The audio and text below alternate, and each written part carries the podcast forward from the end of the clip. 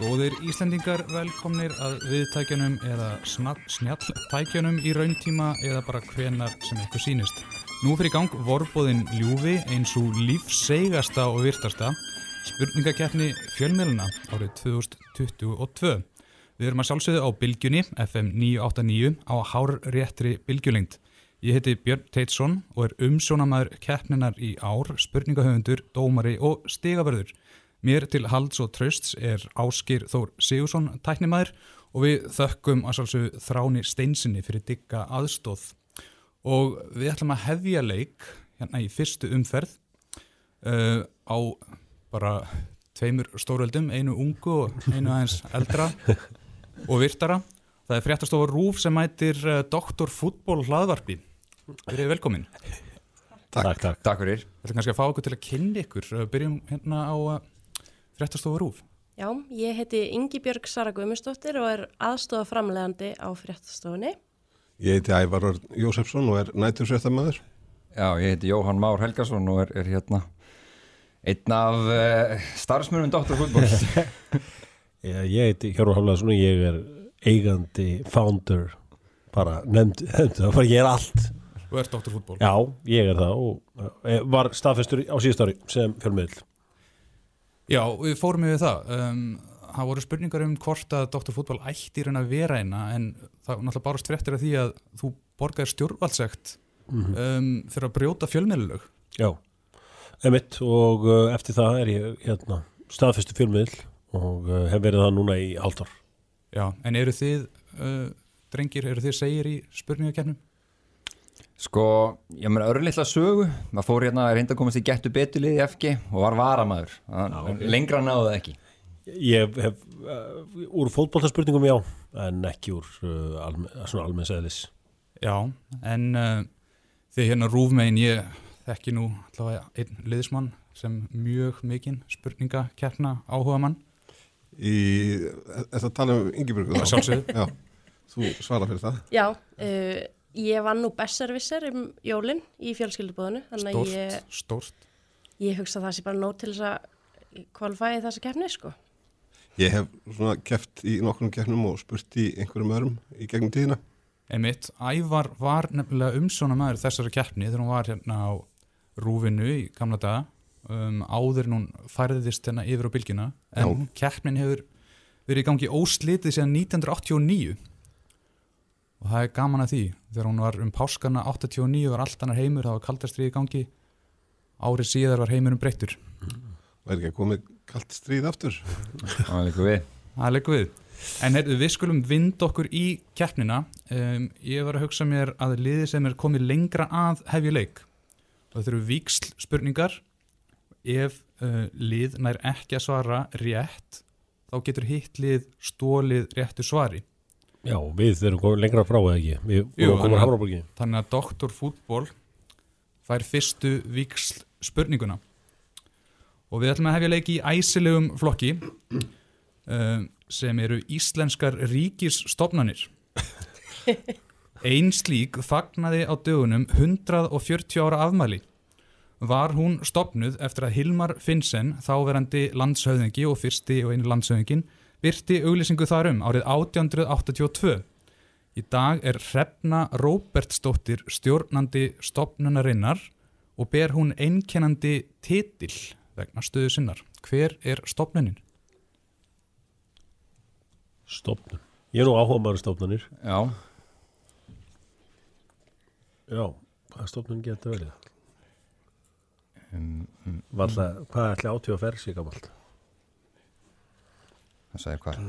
Áfengis og tóbaksvörslu 140 ára voru menn ekki verið að reykja og svona þá? getur verið. Getur ekki verið. Þetta er bara að ferð. Það er rámt. Já, það er væntalega. Hú, Hrefna Róbestóttir segiru. Ekki er hún landlæknir, þannig að það er ekki landlæknir sem bættir. Það var bara snögt svar. Valla hafaði stofnað tollstjóra embætti þá. Valla, en Ríkislögmaður. Það er líka rámt. Þetta er þjóðskjálasamnið. Ah, já, Næsti berfið. Frétta stofurúf. Og 50-50. Önnur stopnun reykur að einhverju leiti upprinna sinn til ásins 1921 þegar fyrstu lögin voru sett sem stopnunin kennir sig við. Hún var þó ekki formlega stopnuð fyrir 1938 en gekk þá undir öðru nafni. Stjórnendur hennar hafa frá upphafi verið aðeins fjórir talsins. Sá fyrsti var Hörður Bjarnason, arkitekt, en í dag er Ástís Hlökk Teodorsdóttir Fosturi. Hver er stopnunin? Skipulastofnun. Það er rétt. Og heldum áfram. Önnur víksl spurning, doktorfútból. Við spyrjum um Erlenda borg. Já, Þar er að finna svo kallaða sapna eigu. En helsta gata borgarinnar heitir á íslensku undir lindi trjánum. Í miðju borgarinnar er að finna stóran almenningsgarð og hverfi sem heitir á íslensku bókstaflega dýragarðurinn. Þar var einnig sögusvið frægrar skáldsögu sem hét einmitt dýragarðs börnin. Borgin er 2380 km frá Reykjavík og áinn í henni heitir Spree. Hver er borgin? já, Ertu með eitthvað? nei, ég er ég á eftir að lesa dýragarðsportin Já, svona sama vera á- hér á Hún náttborðinu. var á 22 sko 2380 kilometra Er það uh, kænugarður? Segjum það, kenningar Það er ránt. Við ætlum að segja Stokkólm. Nei, við viljum ekki segja það. Við viljum að segja Berlín. Ó, við ætlum að segja Berlín, segir Arn. Það er rétt. 150 Það er mitt á Berlínar byrninum sem er í Hellusundi, stendur 2380 kilómetrar. En Já, við höldum já. áfram. Auðvitað Um, og það er fréttastofa rúf. Sambarleg spurning. Aftur spyrjum við um Erlenda borg. Þar er að finna þekta mýri í miðju borgarinnar. En þar hefur löngum verið atkvarf hins einn fólks til búsetu og skemmtana. Í norður hluta borgarinnar er hæð sem myndi heita á íslensku fjallið af Mars. Þar er að finna fræga kirkju en hún er kent við heilagt hjarta og er hvít að lit. Áinn sem rennur í gennum borgina heitir Signa. Hver er borgin? Það er París. Það er París.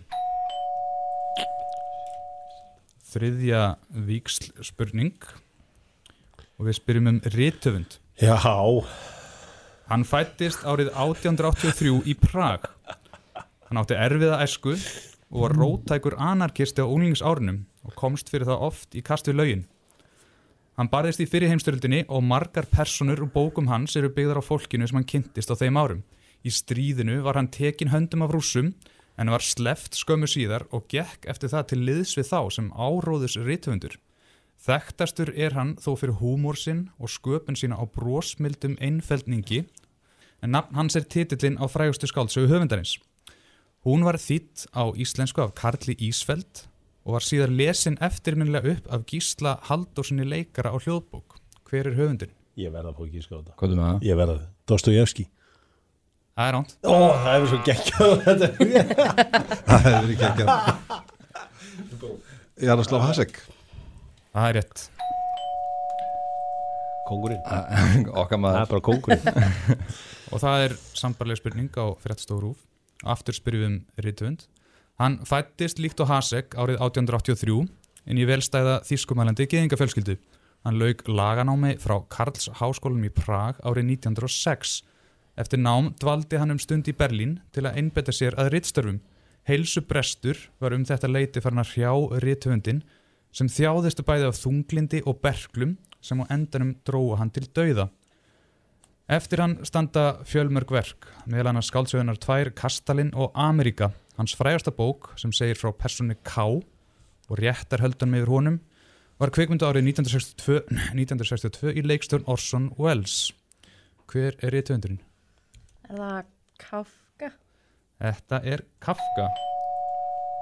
Og þá eru við, já, tæplega hálfnið og er 5-0 fyrir er. Fréttastofu RÚV. Þetta er rúst.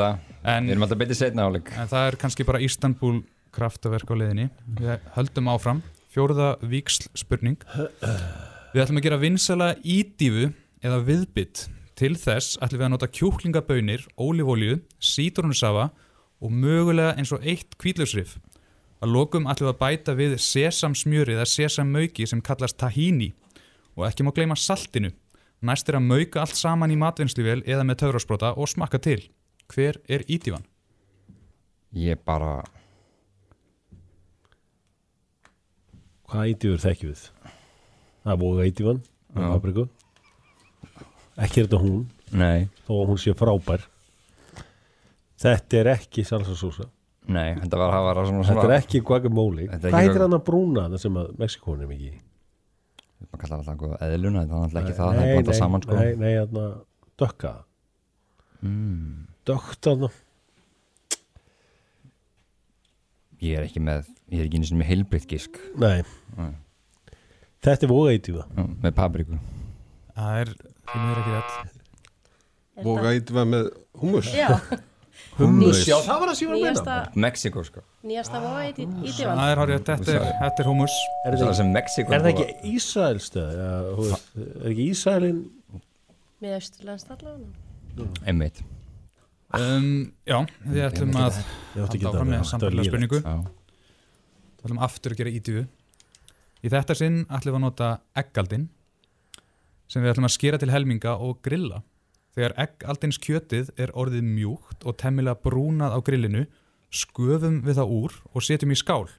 Við blöndum því saman við sítrónusafa, ólífólíu og sesamauki góða, tahini og jafnvel smá hvítlaug. Öllu er blanda saman, saltað og smakka til. Hver er ítífan? Hefur það hugmynd? Uh, nei, ég bara hef enga hugmyndi hvað þetta er. Eggaldinni? Nei, eggaldina, það sló mig að læginu út af læginu, sko. Ég, er, nei, þetta er allt og framandi fyrir okkur. við borum bara íslenskt, já takk. Þetta er ekki, ég held að það sé örgulega ekki voga, sko. Nei, Dóttar fótból viljið þið reyna að stela hana stíði? ofta þörfin nú er nöðsin Ég er ekki með neina eggaldin í tífi þú með eitthvað hjálpar? Nei, við Nei, við erum bara blanko Herðu, þetta er uh, ítífan Baba Ganús sem er mjög á svipuðum slóðum í Norður Já. Afríku og meðuströndum. Framandi En þá er komið að fymtu víksl spurningu og þá er tóndæmi og við ætlum að byrja á Dóttarfútból og um, já, hlustið vel. Ég þarf að segja þér dálítið um uppruna þinn sem hefur verið haldið leyndu fyrir þér í þau 30 ár sem þú hefur lifað sonur sæll. Hvað er það, mamma? Ég get ekki sagt þér það nema í söng. Ég er ekki kynmóðir þín, elsku sonur minn. Kynmóðir þín er dáin og líka kynpappið þinn.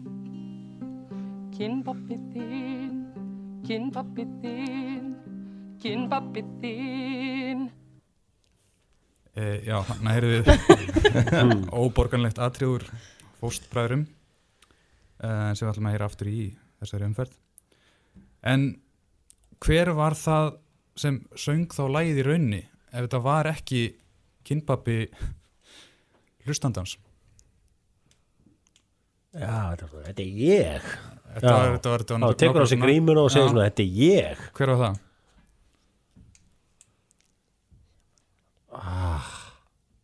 Þetta? Þetta var svona eitthvað Tekur á sig grímuna og segir, þetta er ég Já, Fyrir bara eitt nafn svona, má, svona, svona gælunafn Þetta var kallmaður, sko Já, Það var, það var, þetta var hvað er með það? Þú ert með eitthvað? Ég er nefnilega ekki með þetta Þetta var frændi Erum við með rétt svarið það? Var þetta ekki svona Já. eitthvað, Ó- Óli frændi eða eitthvað svo leis? Ó, nei, ég manna ekki. Það er líka ránt Þá heyrðum við rétt svar En ef þú ert ekki kynmóðu mín, hver ertu þá?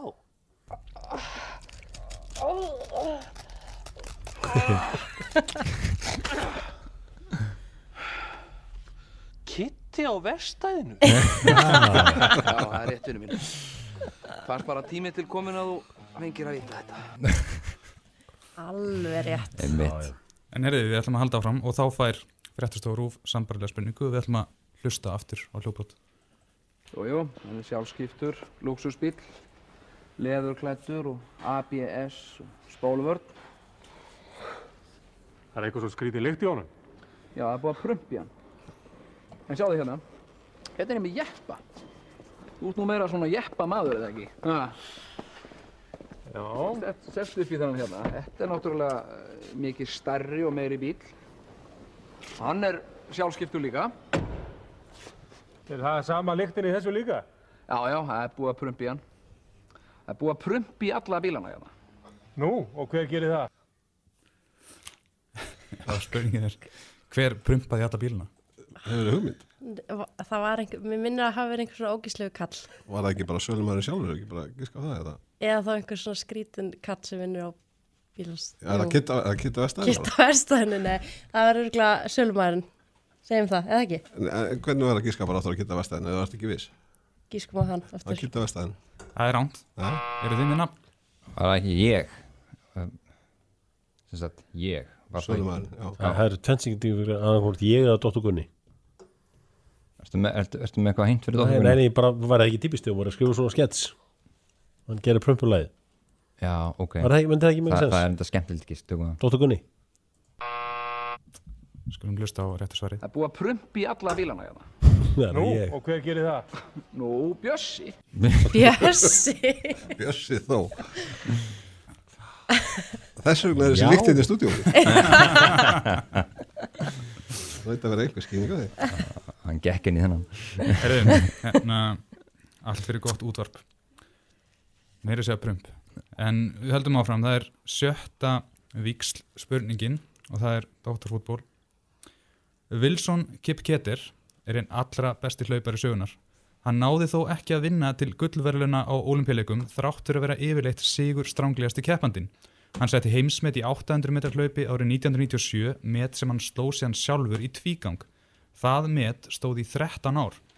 Hann kefti lengst af fyrir fæðingaland sitt sem er Kenya en árið 1990 heitlaðist hann af öðru landi sem hann kefti fyrir síðar á ferlinum þegar hann dvaldi þar sem skipti nemi í ramaksverkfræði. En hvert er landið sem Kip Keter kefti fyrir á síðari hluta fyrirlsins? Danmörk. Hárétt. Og um, var fréttast á rúf sambarlega spurningu. Merlin Otti var einn helsta hlaupadrottning heims um árabil. Henni tókst ekki heldur að vinna til gullverluna á olimpíuleikunum en er vel skreitt málmum af öðrum tegundum. Á í frjálsum á hún þrenn gullverlun og ótal metaljur. Otti kefti í sprett hlaupagreinum og gerði það allt til ásins 2012 þegar hlaupaskonnir fóru á hilluna en þá var Otti orðin 52 ára gömul. Lengst af kefti hún fyrir fæðingaland sitt Jamaiku en á síðar hluta fyrirlsins hljóp hún fyrir aðra þjóð. Hvaða þjóð er það? Hugmynd? Nei. En það hlýtur að vera eitthvað svona skrít eins og Kenya og Danmörk hann aðan. Já, gæti líka verið eitthvað bara lítið nákvæmlega sem hefur búið betur eða eitthvað. Já. Trinidad og Tobago eða Bahamas, Bahamas. Það er ránt. Sko, ég veit þetta alveg. Þetta er Slovenia eða Slovakia og ég er nánast farin að dundra hausnum á mér hérna í borðið því að ég sé þetta alveg fyrir mér og þetta eru svo svipuðu nöfn og ég veit ég er brjálaður ef þetta er ránt. Ekki viljum við það. Ég, ég við vilja það ennabla ekki, sko og, og þannig náttúrulega þetta, þetta snýrist þjálfaranum mennar. Ég uh, ætla að segja Slovakia. Slovenia. Slovenia. Nú verður það brjálaður. Þurfum við að forða- þurfum við að forða okkur? Þetta er sama, sko. ég man aldrei frá hvað landi Jan Oblakar. En Ah. við ætlum að halda áfram um, og það er Dr. já, Sjönda og síðasta víksl spurning. já. Nú á dögunum fór fram Grammy verðlauna afhendingin í Las Vegas í bandarginum og líkt og vennilega var mikið um dýrðir. Á meðal verðlauna hafa var íslensk söngkona sem hlaut verðlunin fyrir bestu óperu upptökuna en um var að ræða upptöku af óperunu Anakten, eða Agnaten afsakið, eftir banderska tónskaldið Philip Glass. Hver er söngkonan? Dísela, Lárus. Það er hárrétt. Sko, Smá svona comeback hérna í lokin. Compact Trail. Það er svona Compact Djúpir í Trail. óperunni á Grammys. það. Og hlaupurunum. Þetta er svona huggunar mörkjana sem er sett hérna í lokin. Um, og sambarleg spurning á fréttstofu rúf. Aðrir sigur vegarar á hátíðinni voru til dæmis Silk Sonic og Olivia Rodrigo en svo síðanemda var kosin besti nýliðin. Það voru þó engin nýliðar sem fengu verðlaun fyrir bestu rock-plötuna og besta rock-lægið en kalla má þá hljómsveit gamla rock-hunda. Verlunin hafa verið kærkomin í djúbri sorg því trommuleikari sveitarinnar Taylor Hawkins lést á dögunum eftir ofstóran skamt af ópjóðum og öðrum efnum. Hver er hljómsveitin? Það er Foo Fighters. Það er rétt. Og þá eru við komið úrslitt og það var fréttastofa Rúf sem marði sigur hérna 7-2 en örvendið ekki, allir keppendur fá sjálfsögur verðlun því það skiptir bara máli að vera með. Og það er allir leistir út hérna með páskaðgjum og svona fyrir hönd bylgjunar og bara mín sjálfstáð. Þakka ykkur kærlega fyrir þáttökuna að Dr. Fútból, þetta er jómfrúar þáttakað ekki satt? Jó, og 7-2 þetta hefði alveg getið farið verð Já, já, já, við komum tví eldir á ára liðinu. Smá eldskýrnina. Fresta og rúf til hamingju. Takk. Þið kannski voruð að búast við ná langt í keppni ár Nei, við áttum Ég- alveg svona, Já. við erum með doktora hérna mót okkur. Já, Ég er ekki svo mentaður. Nei, ég er bara með masterskráð, sko, ég átti ekki vona á þessu, sko. En þetta gekk vel og við sjáum ykkur aftur í, í næstu umferð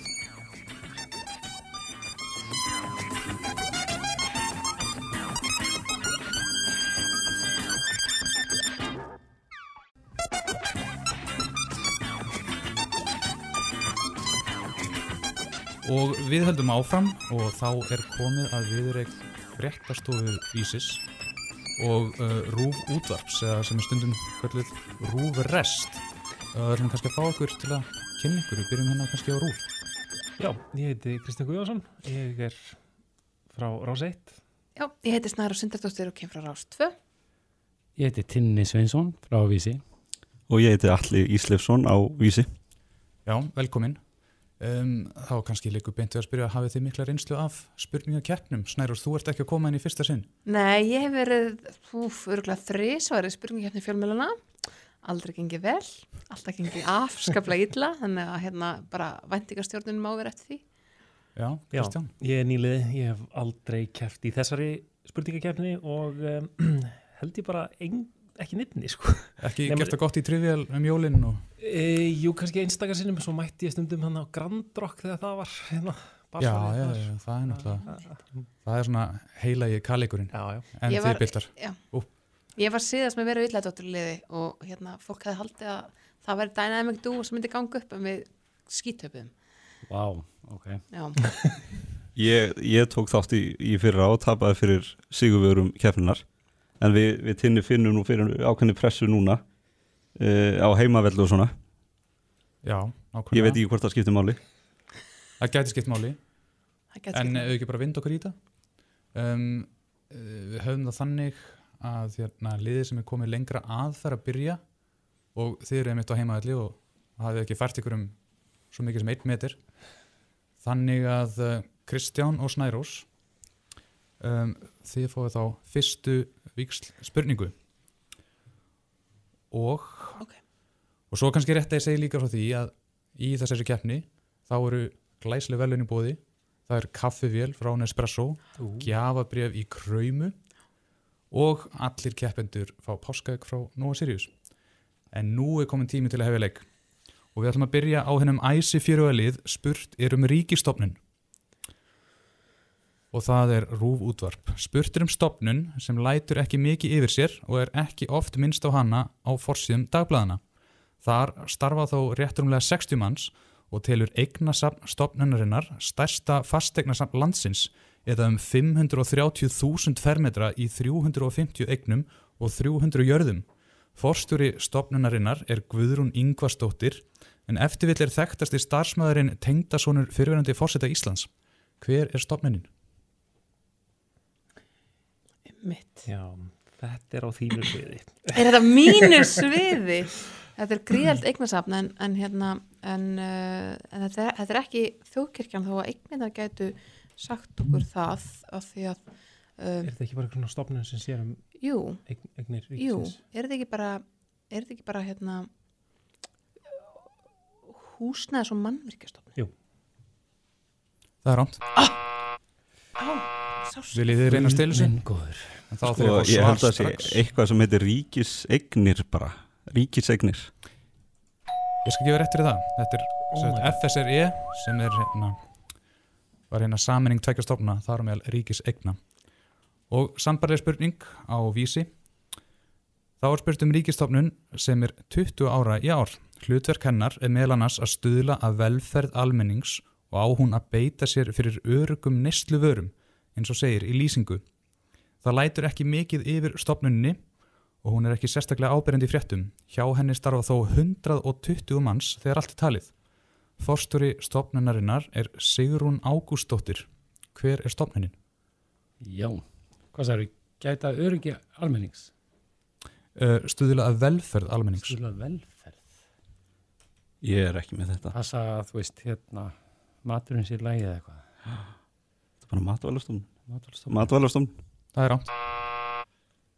Ég geti stólið svar Já, fljótt. ég ætlaði að segja Ég var í Ma- svipuðum- svipuðum Já, við ætlum sko. að segja Matís Það er líka rámt. Þetta er umhverjastofnun.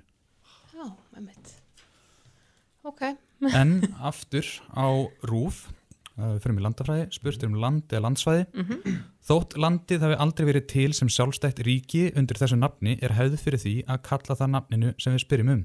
Mörg af öflugustu borg ríkjum mannkinsögunar urðu til á þessu landsvæði og er hugmyndasagan einstaklega rík af vísindum og menningu sem á upprunlega rekja til þessa landsvæðis. Það kann að skýrast af því að lífsskilir, lífsskilirði eru þar með besta móti. Jarðvegurinn frjósamur og veðrið er gott. Frjósemi jarðvegsins nýtur góðs af vass, flaumi, tvekja fljóta sem umlikja landsvæðið en það er bein þýðing napsins sem við spyrjum um, landið á milli fljótana. Þessi fljót heita Efrat og Tígris. Hvert er landið? Nú er þetta, um, hérna veit ég ekki að kvísla. Mesopotamía. uh, Já, ég er bara alveg til í það Mér finnst það bara hljóma vel Mesopotamía. Það er rétt. Yes, ok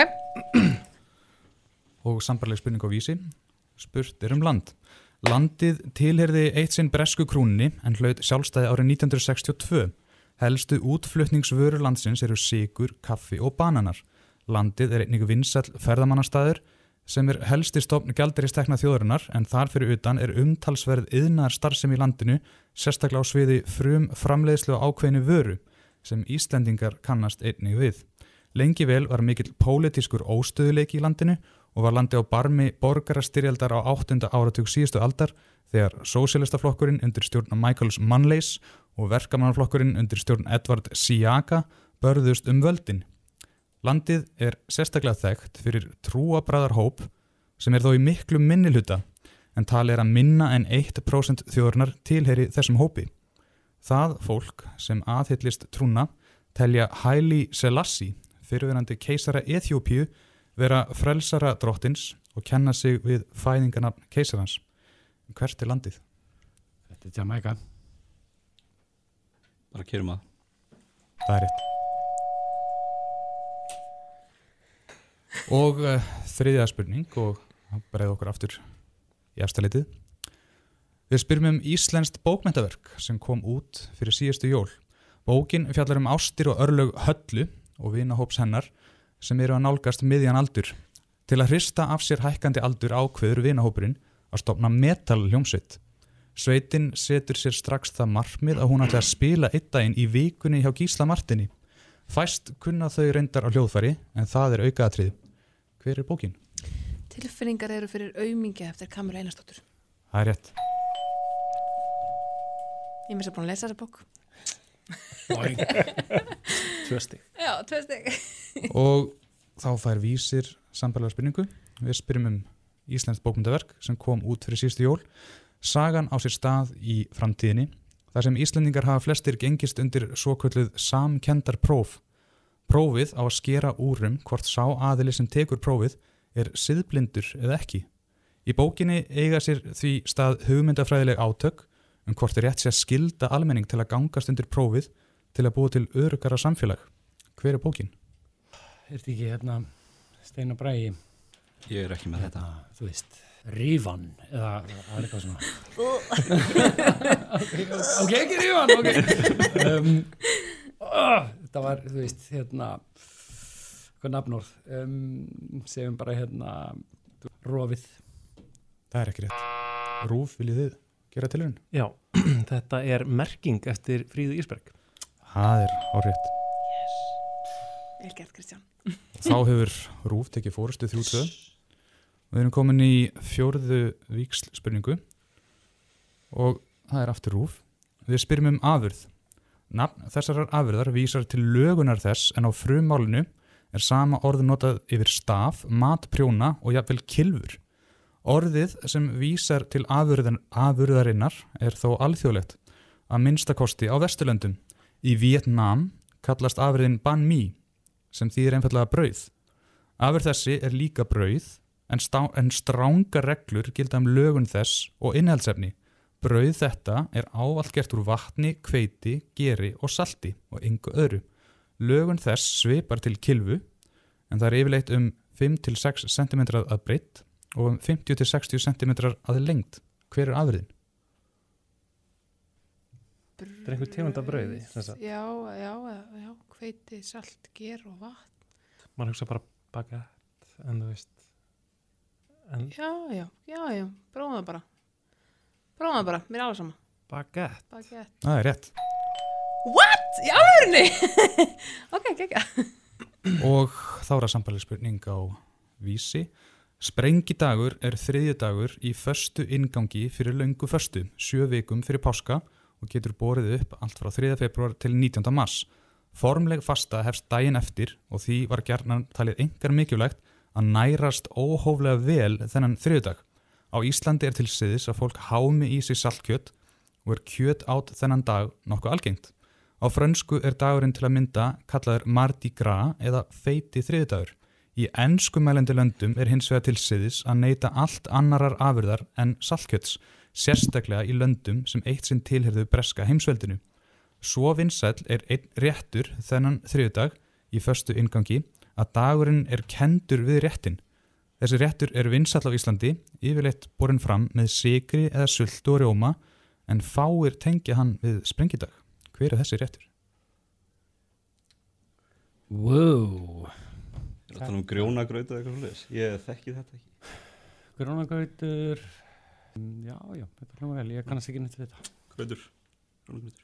Það er ekki rétt. Ef ekki segja vafla. Jú, ég var að taka selfie, ég heyrði ekki Já, spurningum. ég hef að segja vafla. Sigur sultur rómun, hljóma þess að vafla. Vafla. Það er grátlega nálægt. Ah, pennugaka. Þetta er pennum. Ah. Þetta er, í ennskumælandi löndum er uh, sprengidagur Grátlega nált því það er raun og verið sama. En þá erum við komin Eða það er sama innhaldsefni í því, skilur Þá erum við komin í fymtu víksl spurningu og það eru uh, tóndæmi og það er rúf sem rýður á vaðið og hlusti vel.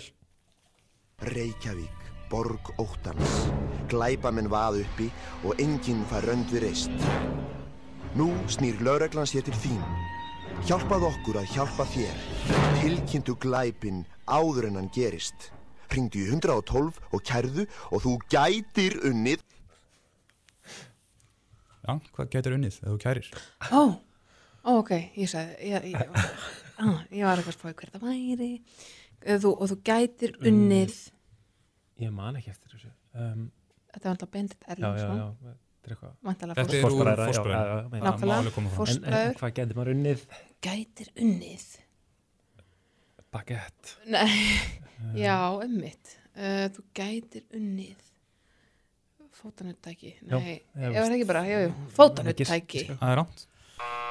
Snögt. Ég man ekki alveg. Var þetta pizza? Já, ég ætla að segja pizza. Segjum pizza. Það er rétt. Um, Og þá eru bara sama uppi á tennum. Við ætlum að heyra hljóðbrott frá fórspræðum, hlustum vel. Það er mikið að þú kemur með. Já, ég var að keira úr kópóinum. Já. Já, það er brjálu trafík í göngunum. Hæ?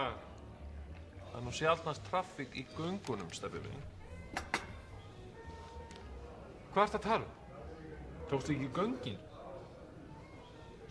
Hvað göng? Göngin sem liggja frá Kópói hérna í bæ, fara líka í Hafnafjörð og Gráur. Um hvað ert að tala? Fer hérna niður aðalstættið sem beigir upp Fissesundið til vinstri þar sem Amazon og Dús voru þar eru göngin Uh, spurningin er hvaða skilirði þarf að uppfylla til að fá aðgang í göngin? eitthvað fyndið. Reykvíkingur bara eitthvað svo leiðis Þarf að vera með eitthvað, þarf að vera með eitthvað, þú veist, þarf að vera með páagögg. Það er rámt, viljið þið reyna að stela þessu? Þetta er með gæl í bílnum. Já. Þetta er með gæl í bílnum. Það er hlust á rétt svar. Góð daginn. Góð daginn. Vil það fara í Kópavogi? Já, já, þetta er world class. Uh, nei. Næja, þá er það bara gott. Göngin eru bara fyrir þá sem er í world class. Já. Einmitt, einmitt. Þegar við höldum að fram, það er hérna sjötta víksl spurning á rúf. Á nýjunda og tíunda áratug síðustu aldar leik engin vafi á því hver væri besti stangastökkvari heims. Sergei Bubka, sem kefti fyrir Sovjetríkin og síðar Úkrænu, vann gull á sjö heimsmeisturmótum í frjálsum í röð og setti ótal heimsmet. Hann var svo langt á undan sinni samtíð og svo lang bestur að þegar hann, bætt, eða þegar hann hætti var jáfnvel talið að heimsmet hans 6-14 metrar yrði aldrei bætt. Það var hins vegar gert í Róm fyrir tveimur árum þegar sænskur stökkvari, sem er endar alin upp í bandaríkjunum, bætti metið. Hann bætti svo um betur og sló eigið heimsmet nú fyrir skömmu á HM í frjálsum innanhús í Belgrad. Hvað heitir þessi magnaði íþróttamæður? Þú veist þetta, já, pass, sko. já, Vala Flósadóttir. Pass, flosa. Ég þekki þennan, hann heitir Armand Oh. Duplantis. Á rétt. Þá höfur vísir jafnað. Jafnað, ok. En uh, er vísir á núna spurningu, sambarlega spurningu. Voru að jafna þannig? Á tíunda áratug síðustaldar voru fáir úkrænskir íþróttamenn sem komast nálægt Sergei Bubka. Það var þó helst þrý stökkvarinn í Nesa Kravets sem komst næsti en hún vann til gullverluna á olimpíuleikunum í Atlanta 96 og átti auk þess heimsmet í þrýstökju kvenna í aldar fjórðung. Það met var bætt af íþróttakonu frá Venezuela svo en sama bætti svo sitt eigið met á háum í frálsum innanhús í Belgrad. Hver er sá heimsmet hafi í þrýstökki? Er ég með það? Sanchez. Það er rámt. Uh, já, nei, bara pass, Já. bara pass. Þetta er Já, bara niðurlegandi. það er, uh, leiti. það er Júlimar Rojas fremst íþróttmaður Venezuela en þá er komað sjöndu og síðustu vikslspurningu og staðan er jöfn fjögur fjögur þetta er æsi spennandi. Og uh, það er rúf uh, John Paul de Koster og Phil Weld voru upplugt tvíegi á tíunda áratugnum ekki síst eftir að þeir fengu til liðs við sig rapparan Ray og söngkonna Anitu Ray og Anita urðu andlit fyrirbæris eða réttar satt hljómsveitar sem kallaði sig Too Unlimited og sló hún rækileg gegnum alla Evrópu. Lög eins og No Limit, Get Ready for This og Tribal Dance nutu mikill að vinsalda og heyrast jafnvel enn þann dag í dag þá helst á íþróttaleikjum. En frá hvaða landi voru þau Ray og Anita sem voru ótvírætt andlit sveitarnar? Já, er það frekar, já. Eh, eða ekki? þú ert með eitthvað betra gís. Nei, einmitt, ég var, að hugsa, ég var bara að hugsa svíþjóð, en líklega er það kannski frekar, Anita er alveg svona Svolítið mikið sænst. Ég held fyrst að það var að spyrja um Aqua, um Barbie Girl. En svo var þetta. Já, fá gisk. Já, um, Þú gíska bara. ok. Þá geðist vel Nei, þetta er held ég ekki svíþjóð. Ok. Belgía. Belgia. Það er ránt. Líka Þetta er, þetta er næstu bara við Snærós var með þetta, þetta er Holland. Það er rétt. Það er rétt hjá vísi og þá fær vísir síðustu spurninguna nema að koma til bráðabanna en síðustu spurningin Peter Báman er afar farsæll tónlistamæður, rappari og takthöfundur sem kom fram undir sviðisnafninu DJ Bobo Hann kemur endur enn fram og stundar svo kallar 90s revival hljómleikaferðir grimt. Hann hefur selt um 15 miljónir platna á ferlinum og náði miklum vinsaldum með lögum eins og Somebody Dance With Me, Love Is All Around og Let The Dream Come True. En frá hvaða landi er DJ Bobo? Hann er austurískur. Já, ég held að hann sé austurískur. Ránt. Já, ok. Haldreipi. Mhm, algjörlega, við getum farið bara Er þetta, er þetta ekki bara... Þeir voru svo sko, vissir um að maður var frá Ég veit að þá er það annarkvort Þískaland eða Sviss. Já. Það ekki? Já. Bámann. Og segja Sviss. Svona stærra mengi að velja Þískaland, sko. Já, mitt. Það hefur ekki vitað ef það hefur verið þú veist, það var svona vissum að það var Austuríki. Já, og segja Sviss. Eða Þískland, þannig Já. bara, þú veist, oh, það verði mjög fúl, en ok. Uh, þú ræður, aftur Nei, það var hann þrátt hjá sérst Nei, ok, já, já. sís. Yes! Úf, Það var sviss. Herri, þá erum við bara komin í um, þá óþæglega stöða að það er bráðabanni Mér finnst það mjög þægt það og um, það verður bara fara þannig fram að við verðum bara að gera svona Vitið, liðið sem já. svarréttin að bara segja bam Ok. og ég sker úr um hvor segja bam og undan okay. Segja bam eða gera bam Ger, gerum bam, eða Gera ekki? bam. Þannig að þú spyrir það spurningar og við segjum bara bam Um leið og þú veist svarið þá hætti ég að lesa Já. Ah, Ef þú já, ég búin að skil, ok, gera já bam. Ok. Um, Ég les þá spurningu Hver klifti myndina Eternal Sunshine of the Spotless Er það ekki hún Valdís okkar Óskarsdóttir? Það er rétt. Þetta gat ekki verið tæpara og það er fréttastofa Vísis sem fer hérna með Sigur á Hólmi. Um, Þetta endaði 6-5 Bam. Bam. Bam. Já, við já, bara fyrir drengilega kefni, þetta var skemmtilegt. Við þakkum rúf fyrir. Það var geggjað. Skemmtileg við Þeir voru samt að Það er heimavelli glæsilegt. Þannig að það er alltaf, Já, takk kærlega fyrir komuna uh, Rúf útvar. Hamingju vísir ég haldi áfram komist áfram næstu við en ekki gleyma að taka páskaðeg og leiðin út. Takk kærlega. Var kaffivélin ekki búið núna?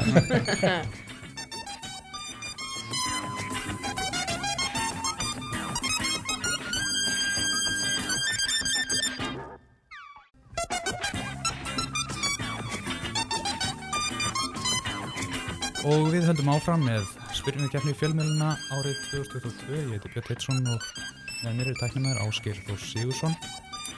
Og það er komið að viðreik fréttablaðsins og hringbrautar og ég ætla kannski að fá keppendur til að uh, kynna sig. Við byrjum hérna á vagnum.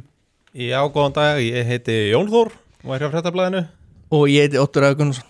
Já, ég heiti Björn Jón Bragason frá Ringbraut. Og ég heiti Margrét Erla Mokk frá Ringbraut. Velkomin, velkomin. Um, það er einhver svona spurningakeppnis reynsla í þessu herbyggi. Ég veit það svo sem alveg ágætlega. Jú, jú, jú, eh, ég uh, er mikil aðdáandi hverskinn spurningakefna og, uh, og nýti hvert tækifæri til þess að þykjast vera ég er og var, í, var dómari og spurningahundur í gæti betur í tvö ár. En ég er mjög góð að skrifa spurningar en það er ekkit endilega ég sem góð að svara þeim. Jú, ég tekundi það, ég veit allt um það. Björn, namni, hefur þú eitthvað verið að Nei, spreita þig? ég hef aldrei keft í spurningakefni. Þetta er uh, frumraun. Já, frumraun mín. Hann sagði samt já þegar ég spurði hann hvort hann vildi koma með mér þannig að það er nú gott svar. Ottur og Jón, eru þið, eru þið með mikla reynslu í Ég er bara duglegur í Bessevisser heima og með vinónum. Ekkert meira en það. Já, svipa hér, ég var bara eitthvað skrýtna minningar eitthvað biblíu spurningakefni og esku sko. Það hljóðan mjög fyrirlega. Það er, En, er um, eitthvað svoleiðis í páska. Við hæfi út af því að það er auðvitað skýrdagur í dag og, og páskan er á næsta leiti. En um, í verðlun, í spurningkefni fjölumæluna, eru kaffifélar frá Nespresso. Það eru gjafabrjöf í kröymu og allir keppendur eru að sjálfsögðu leistir út með páskaekjum frá Noah Sirius. En um, það er bara komin tím til að byrja og við höfum haft það þannig að liðið sem kemur lengra að um, á að hefja leik er hvernig vísa skrifstofunar Sko, hjá okkur á torginu Fréttablaðskrifstofan er örlítið nær. já, já, þau sjá út á Arnarhól Við erum nær glugganum, já. okay, Við erum gluggalaus. þá fyrir fréttablaðið að byrja og við ætlum bara að vinda Nei, okkur þegar í við komum lengra að. já, Já. það er Já, rétt það er rétt. það var hringbrut Já. að hefja leik Nú er ég kannski algjörlega búin að tapa keppninu fyrir okkur.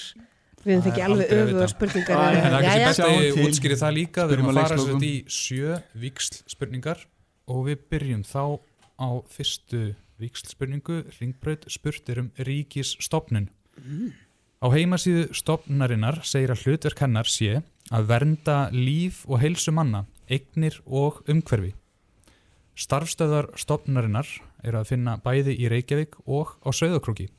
Stofnin var til við saminningu annara stofnana, þar starfa rúmlega 100 manns og er forstjóri Hermann Jónasson. Hver er stofnin? Ert þú með þetta? Já, byrju. Líf og heilsu, Saminningu tveggja stofnana. eignir og umhverfi. Já, ef ekki setja sér bara landlæknisembætti. Var það ekki samin að einhver öðru? Hermann Jónasson. Nei, það er, það er ekki, hann er ekki fórstuðum Nei, eða, þú veist fórstuðumadur er ekki saman landlæknir sko Já, Mér finnst þetta gó- góð pæling, en sko líf eignir, eignir og umhverfi já, það getur verið mannvirkjastofnun en það er, það er ekki, það er eitthvað In, innviða, hvað er þetta? Hvað er þetta? Það er alltaf að vera að breyta nöfn á þessu stofnun Já, við eh, hérna hend, hend, hend einhverju á þetta Já, segjum bara húsnæði sem mannvirkjastofnun Ég held að sé reyndar ekki rétt. Það er rétt. Sko, sko Og það er sambarleg spurning á fréttablaði, spurtur um ríkisstofnun, starfsmenn hennar eru frekar fáir miðað við aðrar ríkisstofnanir eða aðeins um 11 talsins. Já, þeir eru nú bara 11. Á heimasíðu stofnarinnar segir að hennar megin hlutverk sé að hafa eftirlit með atvinnu lífinu. Stofnunin er ekki sérstaklega ábyrrandi og hefur sig lítið í frammi að minnstakosti við fyrstu sín. Þó varð hún nokkuð ábyrrandi í fjölmiðlum árið 2021 þegar hún ákvaða að sekta erlendan teppasala um þrjár miljónir. Forstjóri stopnarinnar er Þórun Anna Árnadóttir. Og hver er stopnunin? Já, það er ekki bara Þú segir það ætlum okkur samskipti fara fram hérna í gegnum uh, skriftir ætlum að segja samkennstof Það er ekki rétt. Neytendastofa Það er rétt. oh. Ringbraut, það er önnur viksl spurning. Spurtur um land. Landið er um 70.000 ferkilometrar að stærð. Opinbert tungumál landsins er enska, þóttu fleiri noti tungumálið kríó í daglegu tali. Landið er stjórnarskrárbundið líðveldi og fekk sjálfstæði árið 1961. Meðal fjölmennara borga má nefna Port Loco, Freetown og Kenema. Meðal frægara einstaklinga frá landinu má nefna langstökkuran Júnis Barber og þá reykur einnig enski leikarin Ídris Elba rætur sínar til landsins. Undir lok 20. aldar ríkti mikil óöld í landinu og stóð borgarastyrjöld yfir allt til ásins 2002 en síðan þá hefur verið tiltölulega friðsælt. Hvert er landið? Þetta er ykkur bresk nýlenda Port Loco uh, Eh, Enska, já. Er þetta, þú veist sjálfstætt ríki. Já, í mm, 70.000 70.000 ferkilometrar 70.000 manns. Nei, ferkilometrar. ferkilometrar Já, það segir mér ekki neitt. 70.000 ferkilometrar Nei, Já, hvað er þessi Port Loco, það er nú eitthvað skemmtilegt. Kom í gisk. uh, Barbados. Nei, ekki segja Nei. Segjum hérna uh, ekki segja bara hérna uh, hérna Guyana í Suður-Ameríku Já, ég er til í það segjum það bara Það er ekki rétt, réttablaðið. Er þið með hugmynd? Herðu, hvað sér Jón?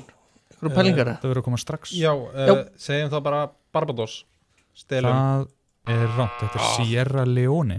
Ó. Ljónafjöll. Um, Fréttablaði. Þið fáið sambarlega spurningu, spurtur um land. Eitt þekktasta náttúru fyrirbæri landsins er stöðuvatn sem liggur eftir endilöngu landinu. Stöðuvatnið heitir í höfuðið á landinu. Stundum er stöðuvatnið þó kallað Calendar Lake eða dagatalsvatnið. Ástæðan er einföld, vatnið er 365 mílur að lengd og 52 mílur að breytt. Landið hlaut sjálfstæði frá Bretum árið 1964 og er að finna í Afríku. Fórseti landsins heitir Lazarus Chakwera og heitir höfuborgin Lilongwe. Hvert er landið?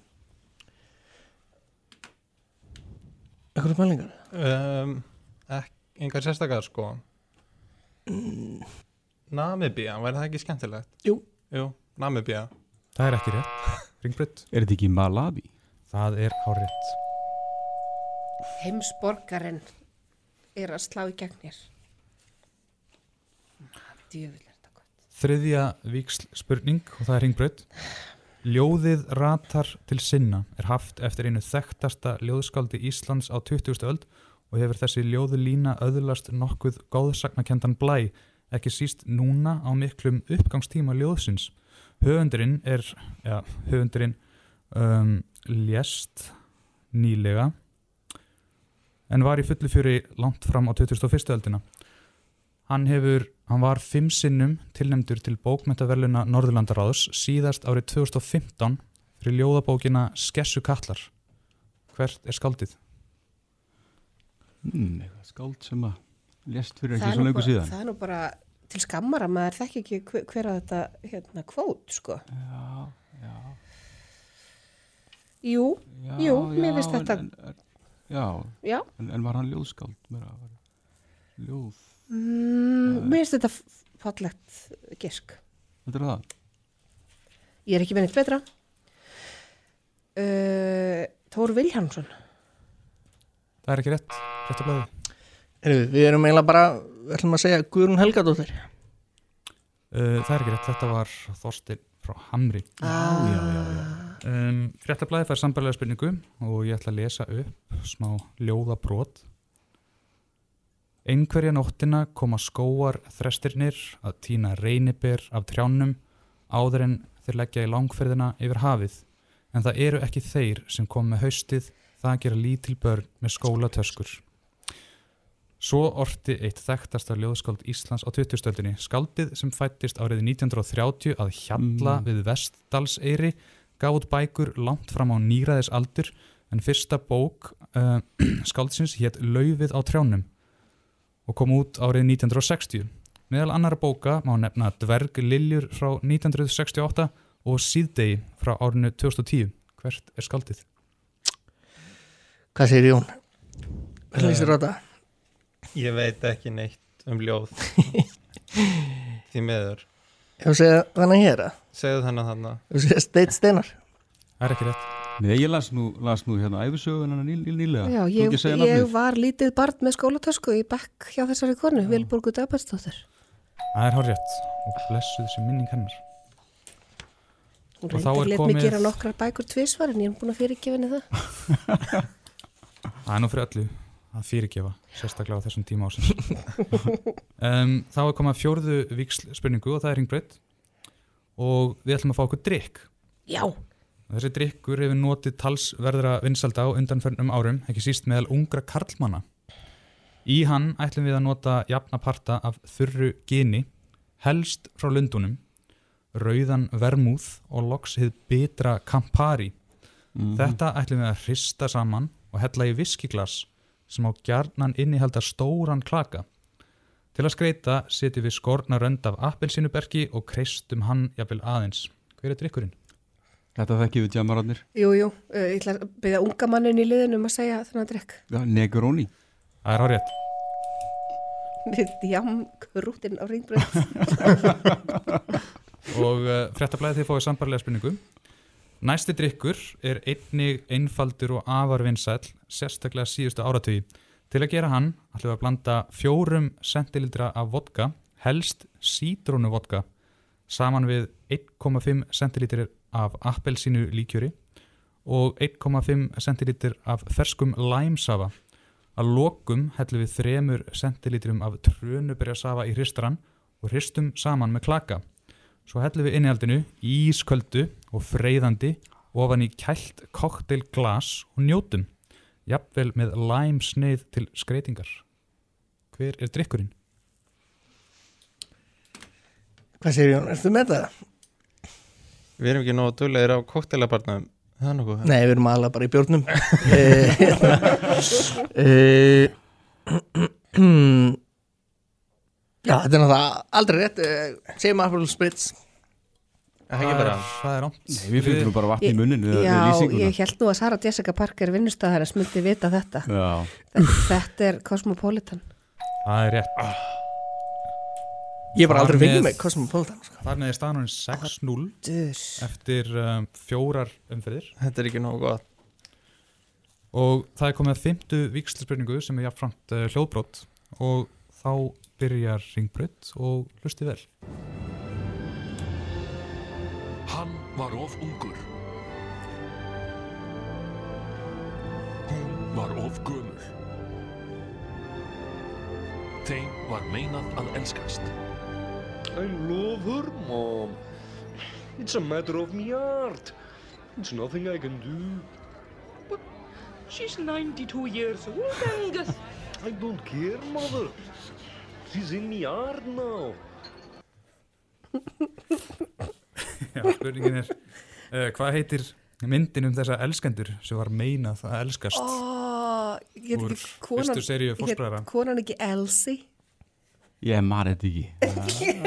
Hvað hétt þessi mynd? Ó hvað hétt þessi mynd? Ó þetta er svo gott sko. Sem, sem var tilbúin í þáttunum já, þetta er eitthvað svona ástarfjötrar eða eitthvað svo lesið þetta er eitthvað algjör klísja sko. Já, já. Ég, við erum ekki þetta, með þetta. Þetta er stólið um mér Já, við segjum bara eh, hérna, átján og hundrað bara til að vitna í prins Pólófin okkar. Um, Það er ekki rétt Já Varstu með einhverja pælingar? Einmitt, nei, ég, ég, þetta er stólu um mér sko. Ég skrifaði eitthvað, ég held að það er alveg einhver mynd sem er heldur svipuð og þessi skets og hún heitir, ef ég maður rétt, kannski er algjört bull, Harold and Maude. mm -hmm. Gokkis um, Það er ekki Nei. Það er það mynd sem heitir það, sko. Já. Skulum hlusta á svarið Columbia Pictures kynna Óskarsvennuna myndina Bridge over Troubled Water.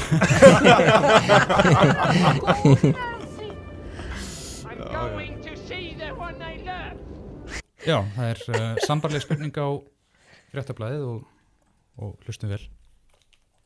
Næsta lag tilenga ég honum Baldri, besta vinni mínum. Baldur, ég vona sér þetta að horfa. Baldur, já Baldur, þú varst besti vinur minn. Þangað til í sumar, já þangað til í sumar. Er við fórum saman í sumarbústað og ég fór í kaupstaðinn að kaupa kaffi og hvað varst þú þá að gera með konunni minni? Ég veit það ekki en mig grunar ímislegt og næst þegar ég hitti þig þá Já, um, Baldur er greinilega ekki í góðum málum Með hverju ætlar persónulegi trúbátorinn Helgi að berja Baldur? Wow. Það er mjög góð spurning. Manstu þetta? Nei. Var ekki bara með gítarnum? Við getum sagt það. Já, við skulum, við skulum segja það Já. Með gítarnum sín. Eh, Það er ekki rétt. Ef ég man rétt þá var það með felgu likli sem ég geymi í skottinu og bílnum mínum. Í skottinu og Erum við og baldur minn þú verður drepinn. Björn Næst þegar ég hitti þig þá ætla ég að berja þig með felgulíki sem ég geymi í skottinu bílnum mínum í skottinu á bílnum mínum. Og baldur minn þú verður drepinn. Er já, við höldum áfram. Og það er komið að sjöttu vikslspurningu og ætlum að skella okkur yfir í íþróttir. Ringbraut uh, HM í handbolta fer fram í Pólandi og Svíþjóði janúar næstkomandi. Þar gæti komið upp svo staða að fleiri en einn og fleiri en tveir íslenskir aðalþjálfarar komið að sögu ef markam á fortíðina. Flestir voru íslensku þjálfararnir á einu heimsmeist, heimsmeistaramóti árið 2019 þegar þeir voru fimm. Einn þeirra var Patrikur Jóhannesson. Hvaða landslið þjálfaði hann?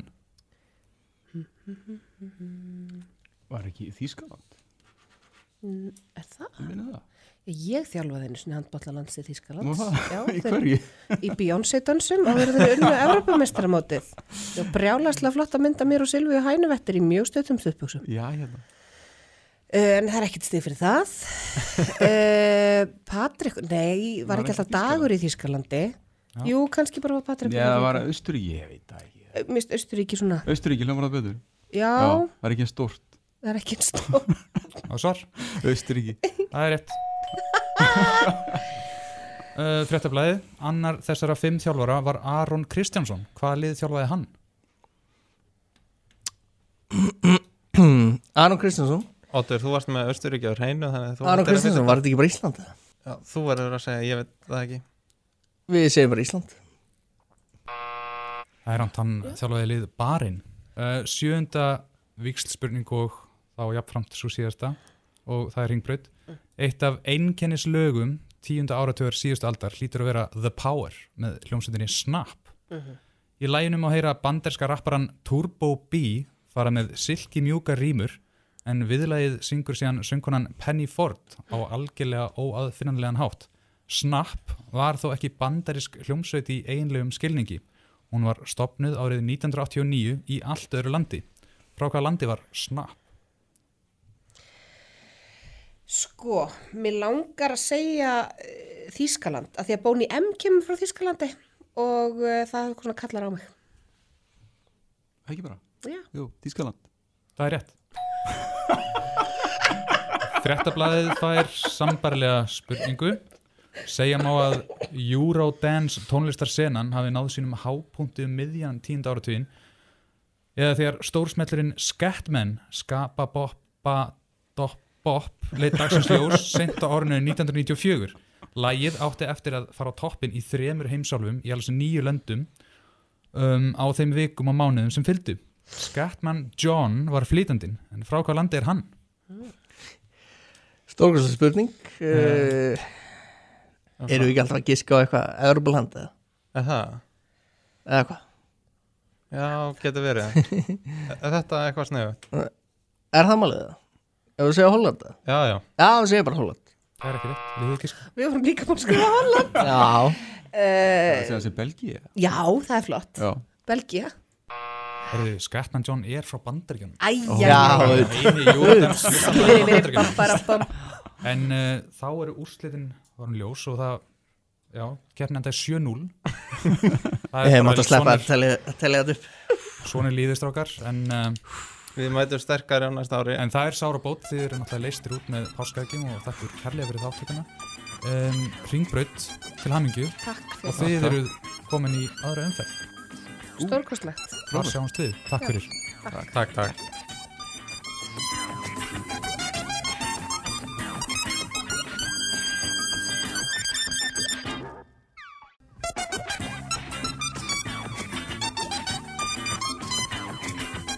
Og við höldum áfram með, með spurningkeppni fjölmjöluna 2022. Ég heiti Björn Teitsson, umsjónamæður. Með mér er Áskir Þór Sigursson, tæknimæður. Og þá er komið að við erum mannlífs og bylgjunar. Við erum velkomin. Takk fyrir. Takk fyrir. Og um, já, ekki bara fá okkur til að kynna ykkur. Við byrjum hérna á mannlíf. Já, ég heiti Björgun Gunnarsson, blaðamæður á mannlífi. Gunnhildur Kjærúlf Birgisdóttir, blaðamaður á mannlífi. Uh, ég er Bræði Guðmundsson, útvarsmaður á bylginni.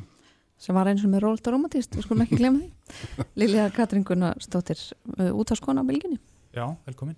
Uh, Segji mér, eru þið, eru þið hérna með mikla reynslu úr spurningakeppnum?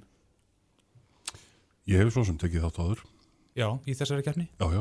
Og gekk vel? Já, já, það hefur gengið ákveðlega. Svona upp og ofan í gegnum tíða. Já, en þið hjá mannlífi? Nei. Nei, Og þeir eru vongóð?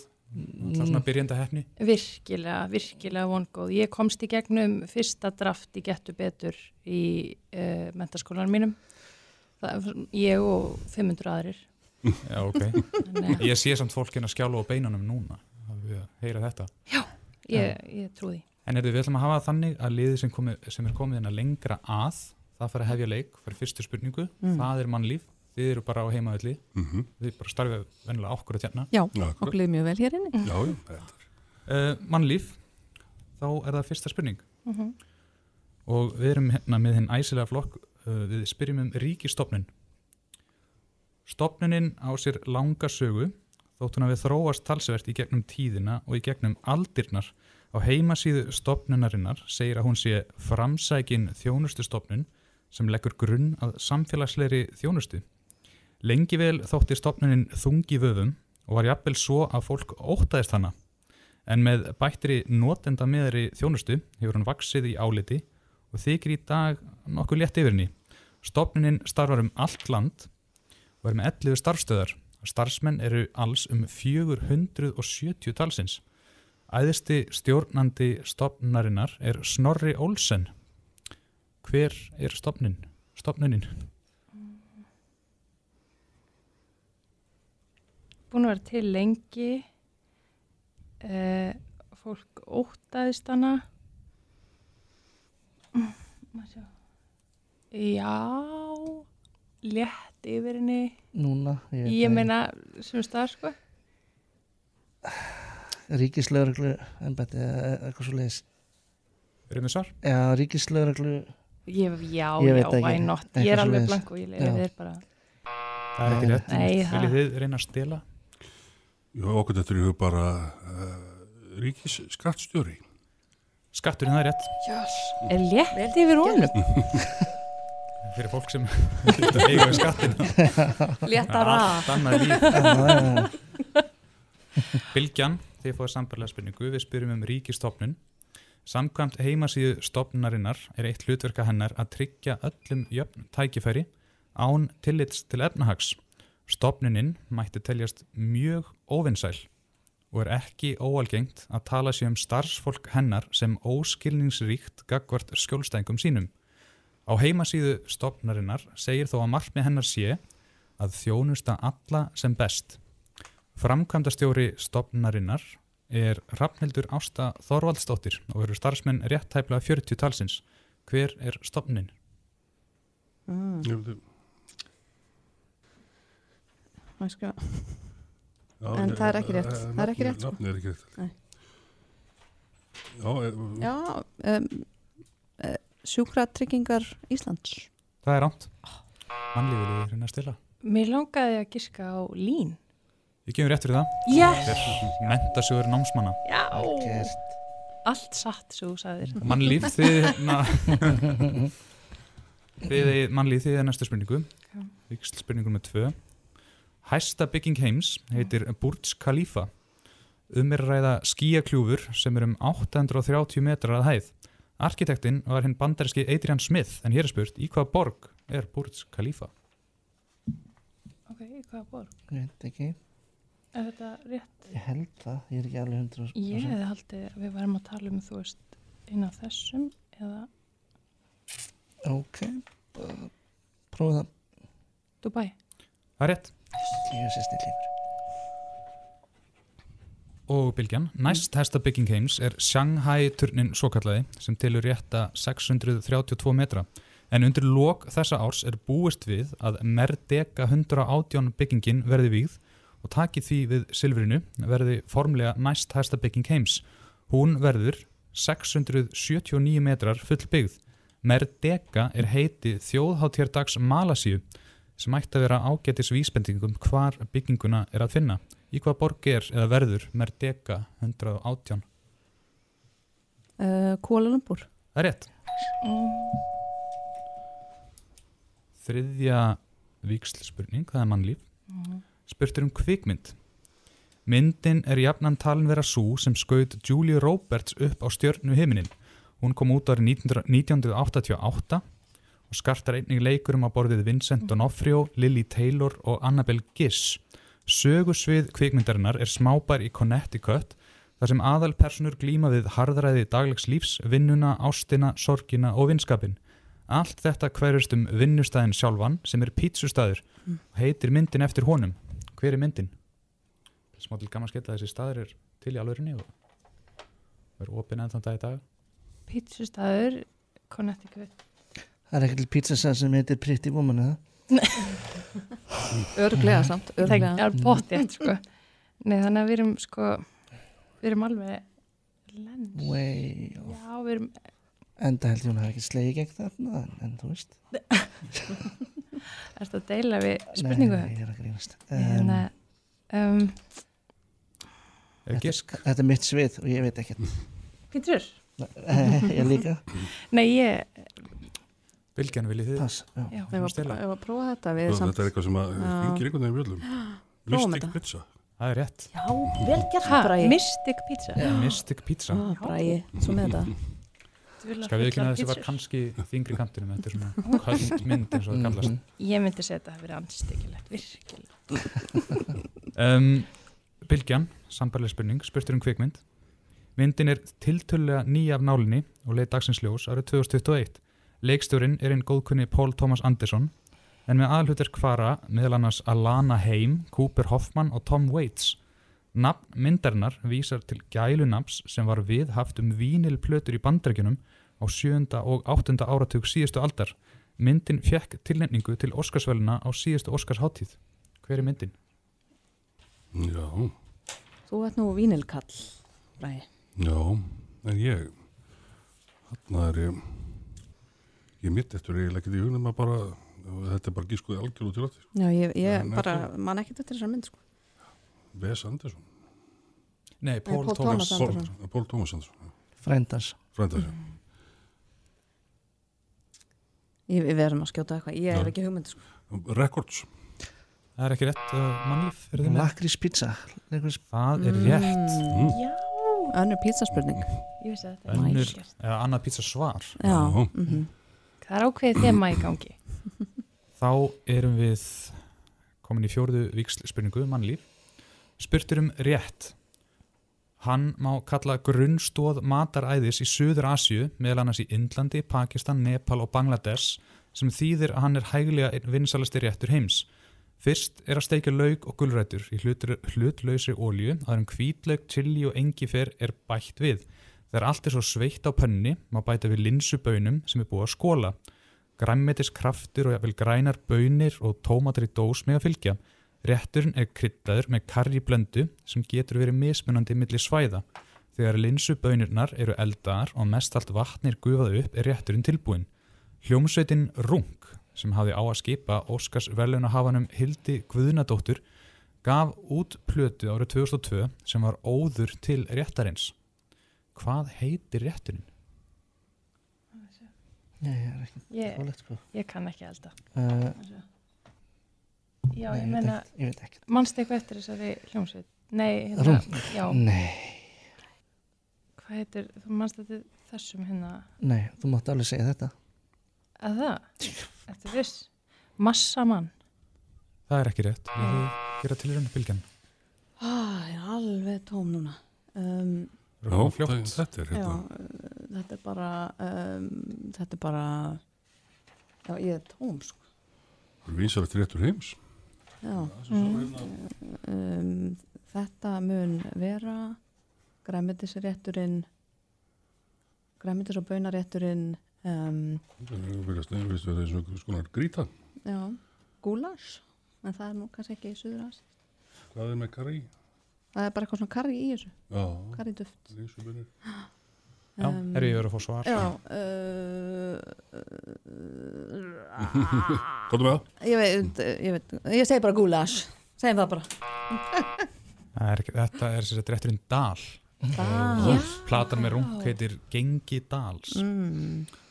Og þau eru alltaf mjög góði að gera Dal, Dal. veit ég fyrir víst. Ok, ég hef aldrei smakkað dal. Um, Ég hef smakkað dal, það er mjög Dal gott. er til dæmis til á Östur-Indíafélaginu og já, já. Östurlandarhæðlistinu. Það er mjög gott, sko. En um, þá er komið að bylgjunni í sambarlega spurningu. Það er aftur spurt um rétt. Hann rekur upprenna sinn til Ítalíu eins og svo margir vinsælir réttir á Vesturlöndum.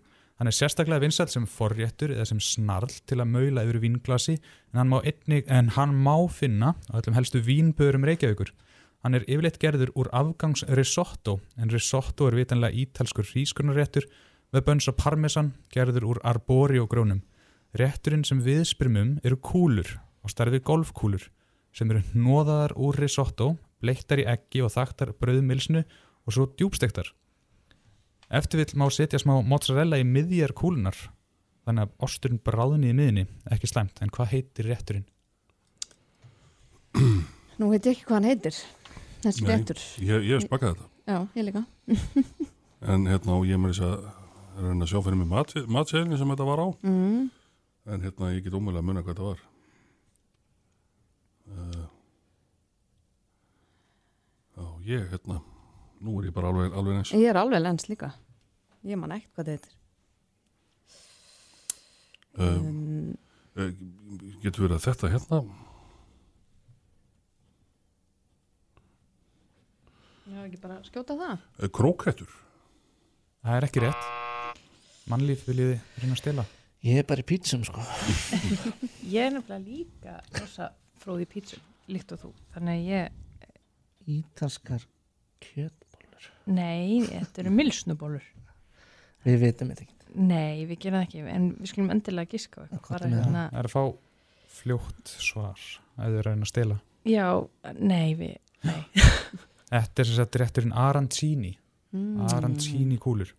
Alveg rétt, já. Hann er fór það, en við höldum áfram og það er fymta vikslspurning, eða kannski rétt að taka fram að staðan er jöfn 3-3 Við ætlum að fara í uh, tóndæmi og það er mannlíf sem byrjar og hlustið vel Minnum á það að strákan í upplýstingu þeir ringdi mig um daginn og var að leita að númerinn hans Pálma. Hvaða Pálma? Það er Gunnars. Með leyninúmer eins og, eins og Eiríkur Haugsson. 5886 17 2 Hvað, hvernig veist þú það? Æ, maður á náttúrulega ekki að vera að blara. Jóhannes eftir er maður vildi endilega láta mig hafa það. Saman í matabóði. Tjúfitt láta. Æ, já, Richard Scopey vildi endilega bjóða okkur heim ótrúlega hvað hann ennir alltaf að hanga með Jóni Gustafs, maður, alveg ótrúlega. Þetta er svona... Heyrðu, passaðu þig, maður! Brjálaði maður! Spurningin er á hverju áttu þeirri félagar að passa sig? Að keira þeir við bjösa bólu Það er hár rétt. Ó, vel gert. Og það er sambarleg spurning á bylgjuna. Við ætlum aðeins að hlusta á fósbræður Hlustið vel. Ég heimta hámarks árangur og hámarks árangur næst aðeins með dugnaði og hámarks einbeitingu og það skal engin anskotans djöfulsins helvítis liðsmaður sína mér það að hann sé ekki að gera sitt besta. Já, spurningin er hvers konar fólk er algjörlega óvelkomið í lið þjálfarans sem talar Ah, ég gati hina spurninguna. Ég man ekki á þessu. Hvers konar fólk er óvelkomið? Um, þau eru svo að fara að stela þessu sko. Já, Sé það á þeim bara. Já, já. gá, getum við ekki hina spurninguna frekar? uh, hvers konar fólk? Þetta er svona að sjá fyrir sér Gamla góða tíma Við erum bara að skjóta eitthvað. Bara aumingjar eða eitthvað. Ómagar. Já. Svarið Ómar, aumingjar. Aumingjar. Það er rétt! Ég var að hlusta á svarið Hún giskar ekki auðminga í mitt lið. Auðmingar geta varið núna.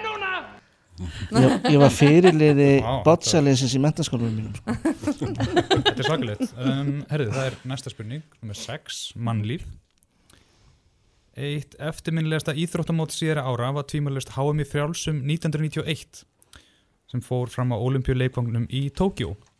Það var ekki síst fyrir tilstuðlan tveggja heimsmeta sem voru sett annars vegar í 100 metrar hlaupi og hins vegar í langstökki. Í síðar nefndu greinni sló Mike Powell heimsmet Bobs Beamon sem flestir spekingar höfðu sagt að er aldrei sleið.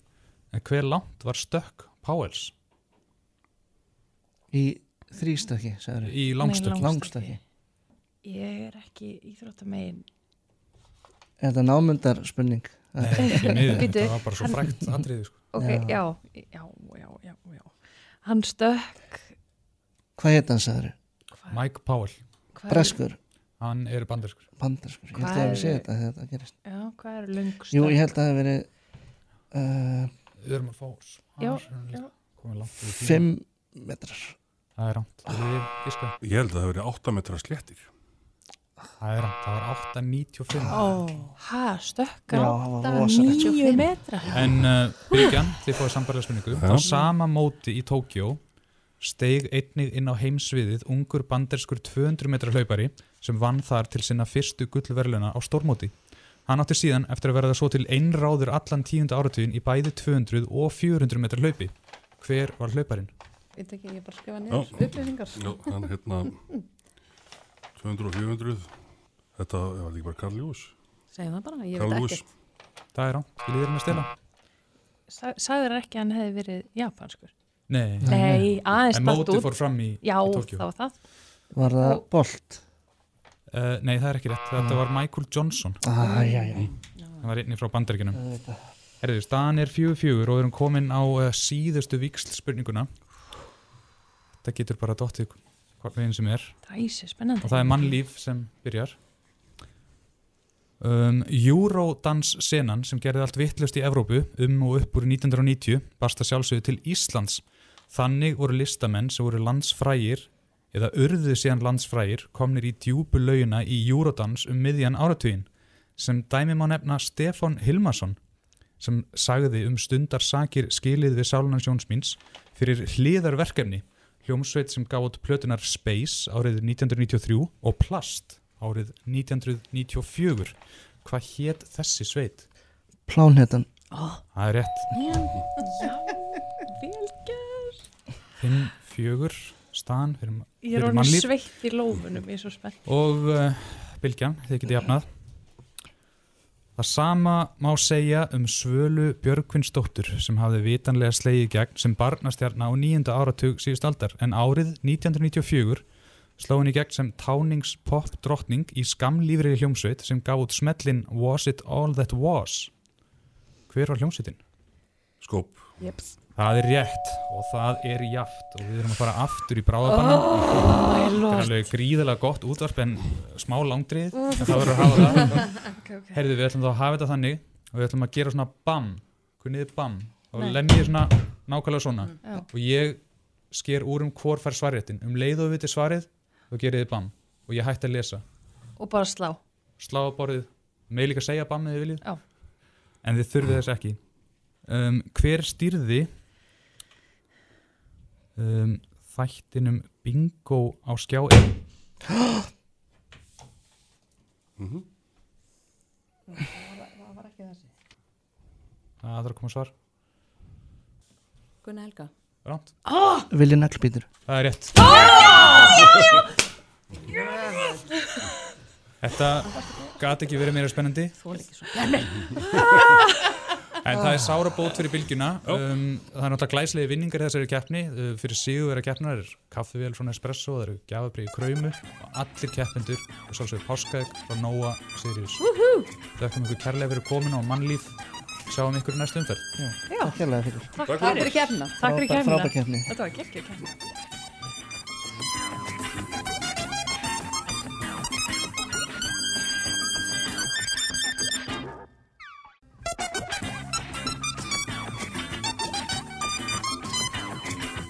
Og við höldum áfram með spyrjunarkeppni fjölmjöluna 2022 Ég heiti Björn Teitsson og er umsunamæður og með mér er Áskir Þór Sigursson, tæknumæður og uh, það er komið að við morgumblaðsins og mbl.is, það er granna slagur. Þetta er mjög spennandi, við ætlum að byggja liðismennum að, um að kynna sig. Við byrjum kannski hérna, þið eru mbl.is Já, Þorsteinn frá MBL. Já, Caritas frá MBL. Stefán Gunnar, Morgunblæðinu. Ástís Áskistóttir, Morgunblæðinu. Já, velkomin um, eru þið miklu svona spurninganördar? Nei. Ah, nei, svona, það ætli það sé ekki stuttasvarið. Maður hefur dottið í pubquiz eða eitt. Já, er einhver reynsla úr þessari keppni? Eh, Við tölum ekki um þá reynslu. Komið til þessar áður en, en hérna, það hefur ekkert endan eitt mjög.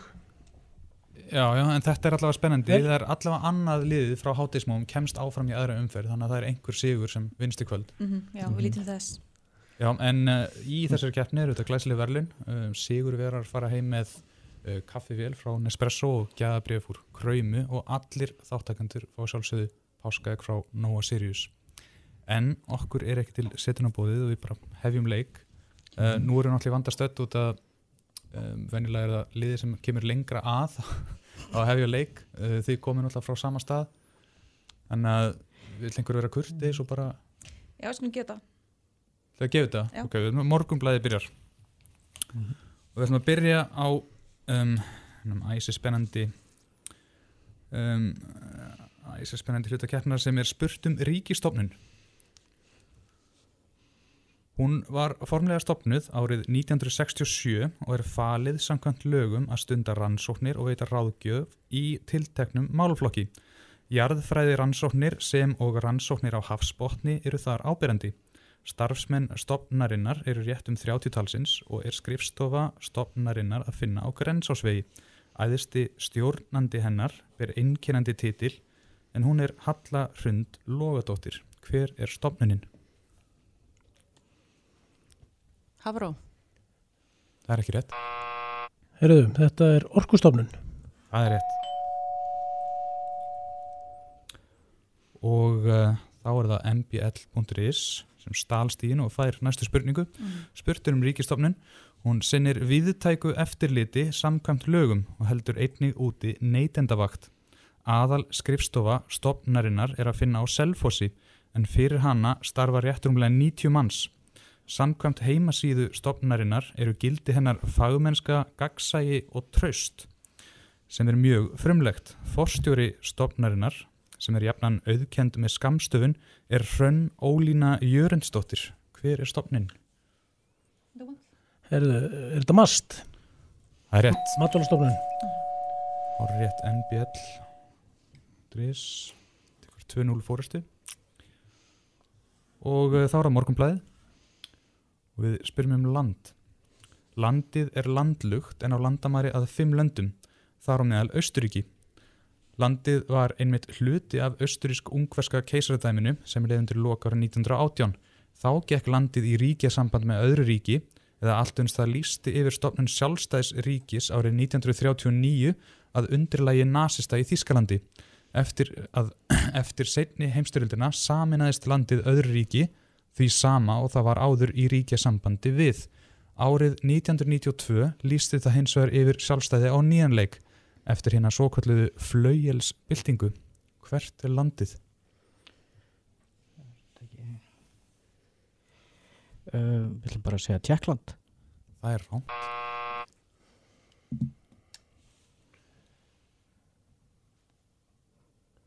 Um, Býttu nú við. Er að koma fljótt. Já, ok. Er það slóki? Það er rétt.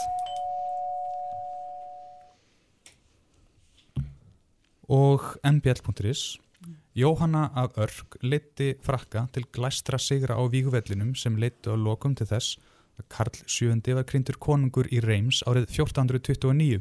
Jóhanna var aðeins 17 ára þegar hann hófað leiða herdeldir sínar í blóðug átök og var hann ekki nema 19 ára þegar hún var handsumið af burgundar bandalæinu svo kallaða sem stutti englendingaða málum.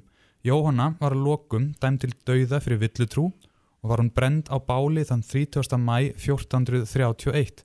Jóhanna var tekin af lífi í borginni Rouen í Normandi en borgin á sér einnig Íslands nafn. Hvaða nafn er það?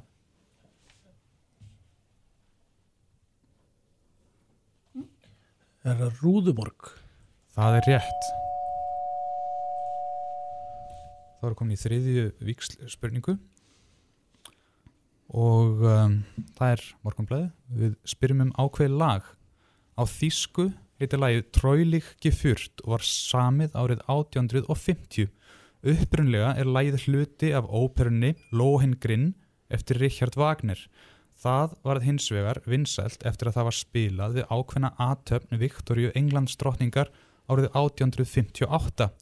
Undir hvað heitir þetta lag Tróilig gefurt betur þekkt? Brúkufsmarsin. Það er hár rétt. Og mbl.is, við spyrjum um rítöfund. Höfundurinn fættist árið 1884 að Kverkártungu á Langaneströnd og varði fyrstu árum æfisinnar að Þorvaldstöðum sem eru nú að miklu leiti í eigu breska auðkýfingsins Daniels Radcliffe en það er önnur saga. Höfundurinn heitir Magnús Stefánsson réttu nafni. Hann varð stjarna í bókmentaheimi Íslandinga árið 1924 þegar hann gaf út bókina Íllgresi en fjórum árum fyrr hafði hann byrt sín fyrstu ljóð ofinberlega í, imre, í einbreiðinni þá 36 ára að aldri. Hver er höfundurinn? Var þetta ekki langan eða spyggðið eitthvað? Langan strönd. Það er að koma hérna? Það er að fæðast? Hvað þetta? Jón Þór? Nei. Já, Jón Þór. Það er ekki rétt. Morgunblæði. Já, þetta verður Örn Arnarsson. Mm. En morgunblæði á næstu spurningu. Uh, við Amaður Torg í Kaupmannahöfn rak Jóhannes Steen Bakari frá 1870 og fram yfir aldamóti 1900. Þar átti hann til að baka sætabröð til heiðurs frægum einstaklingum og á því varð engin undantekning þegar þáverandi frægasta leikona heims heimsótti dönsku konungsýrðina og um leið Kaupmannahöfn. Stín gerði léttar kökur með sætri fyllingu sem voru innblásnar af leikoninni. Hvaða leikona var þetta? Um, Sara Bernhard. Það er hár rétt. Og NBL, því fáið sambarlega spurningu. Fræg kona á einnig sinn þátt í tilurð einnar frægustu köku síðustu hundra ára eða svo. Hún varð til þegar konan sem starfaði sem dansari og líklega fremst allra í sínu fægi heimsótti Nýja Sjáland og Ástralíu árið 1924. Henni til heiðurs var bökuð kaka sem er með nokkus konar ítalskan marensgrunn en er einnig skreitt og bræðbætt með þeittum rjóma og ferskum ávöxtum. Kakan er jafnan höfð til bors á jólunum í Nýja Sjálandi og Ástralíu en er í dag vinsalum allt árið um allan heim. Hver var þessi dansari? Já, bara ekki hugmynd. Já, morgunblæðið og bjóða ykkur að stela þessu. Pavlova. Það er hárétt. Miklar sviftingar í þessari keppni. En þá eru komin að fymtu spurningu og það eru tóndæmi og það er morgunblæðið sem byrjar. Og um, já, við ætlum bara að hlusta vel. Er Finnur hinn rétti erfingi? Fær Pétur minnið aftur? Hvar er unnur? Elskar Garðar Ellu eða hvað? Ótal spurningum er ósvarað. Spennan magnast, ástir, örlög og svika klækir. Já, spurningin er bara hvaða mögnuðu sápuóperu var verið að lýsa þarna. Bílastæði verðnir. Það er hár rétt. Þar með jafnar mokkin en uh, við höldum áfram þar aftur tóndæmi og við hlustum vel. Sofðu unga ástin mín Nú er komin verndarinn. Kapitalismi og kjarnorkuvá Er það sem koma skal. Ég er bara íslensk þjóð Sem yrki hér mitt kjarnorkuljóð Stöndum saman ég og þú Og reisum samir kjúfó Reisum samir kjúfó Já, við spyrjum hvað heitir þjóðlega duettin sem þarna flytur lag. Ó, þetta ámar að vita, býðu. Ó, það er eitthvað djúpt að þessu, býðu. Þetta er ekki að koma. Já, bara tvíhæði. Það er ekki rétt. Morgunblæðið má bjóða ykkur að, að stila. Er þetta Plató? Það er hár rétt. Við erum að upplifa hérna Ístanbúl enn og aftur og það er sjötta viksl spurning. Staðan er 5-4 fyrir morgunblæðinu sem var 4-0 undir rétt á hann. Var þetta ekki óþarri? Það er þungt salt hér. Þungur salt er dreift. Um, sjötta viksl spurning og það er morgunblæðið. Árið 1980 fóru olimpíuleikanir fram í Moskvu. Skömmu áður höfðu hersveitir Sovjetríkjana ráðist inn í Afganistan sem var til þess að 65 þjóðir að upplægi bandaríkjana ákváðu að sniðganga leikana. Sovjetmenn höfðu því frumkvæðið að því að gera slíkt í sama fjórum árum síðar þegar olimpíuleikanir fóru fram í Los Angeles í bandaríkjunum. Bandamenn Sovjetríkjana fylgdu þeim í afstöðu sinni og mættu ekki heldur til leiks. Allar þessar þjóðir sem ekki tóku þátt gerðu það af fúsum og frjálsum vilja. Það sama verður hins vegar ekki sagt um þjóð sem við spyrjum um sem var hreinlega bannað að taka þátt í olimpíuleikum allt frá árinu 1964 til 1992.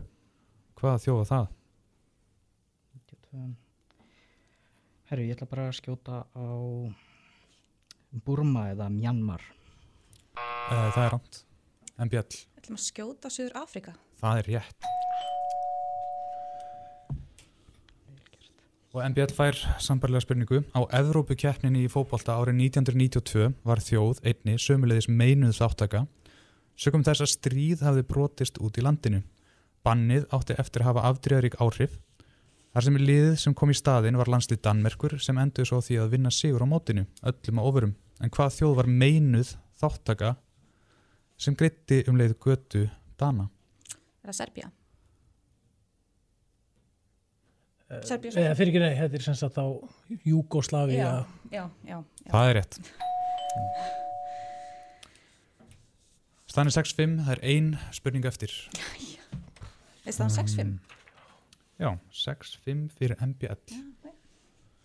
Þannig að er allt opið ennþá, morgunblæðið. Doktor Alban er sænskur listamæður sem slóði gegn á tíunda áratug síðustu aldar. Hann komst hátt á vinsaldalistum víða um Evrópu árunum 1992 og 1993 með smellum á borðið It's My Life og Sing Hallelujah. Dr. Alban er ekki aðeins listamannsnafn því Alban Usoma Nwapa, eins og hann heitir fullu nafni, er vissulega læknismentaður. En í hvernig lækningum, hver er sérgrein Dr. Albans? Hefur einhverju hugmyndum þetta? Skjóta? Veit ekki okkur ég fæ bara eitthvað svona Já, ég held að það sé hjartalæknir. Nei, ég veit Nei, það nei, ekki. ég veit ekki Hvað er það? Það var kýla á Hann er hjartalæknir. Já, já, segja það bara Já. Það er ekki rétt, en fjall, má bjóða okkur Þetta er að bara flashback hérna á einhverja gamla pottétiska en við erum bara með eitthvað, já, gísk, uh, Já, við ætlum að prófa að giska á dýralæknir. Það er ránt, aðtöksvöld gisk, hann er tannlæknir. Eða tannlæknismentaður, alltaf hann sé bara ekki að slappa af í dag. En um, MBL, það er síðasta spurningin á ykkur. Árið 1993 sló norður írska hljómsveitin D-Ream í gegn með læginu Things Can Only Get Better.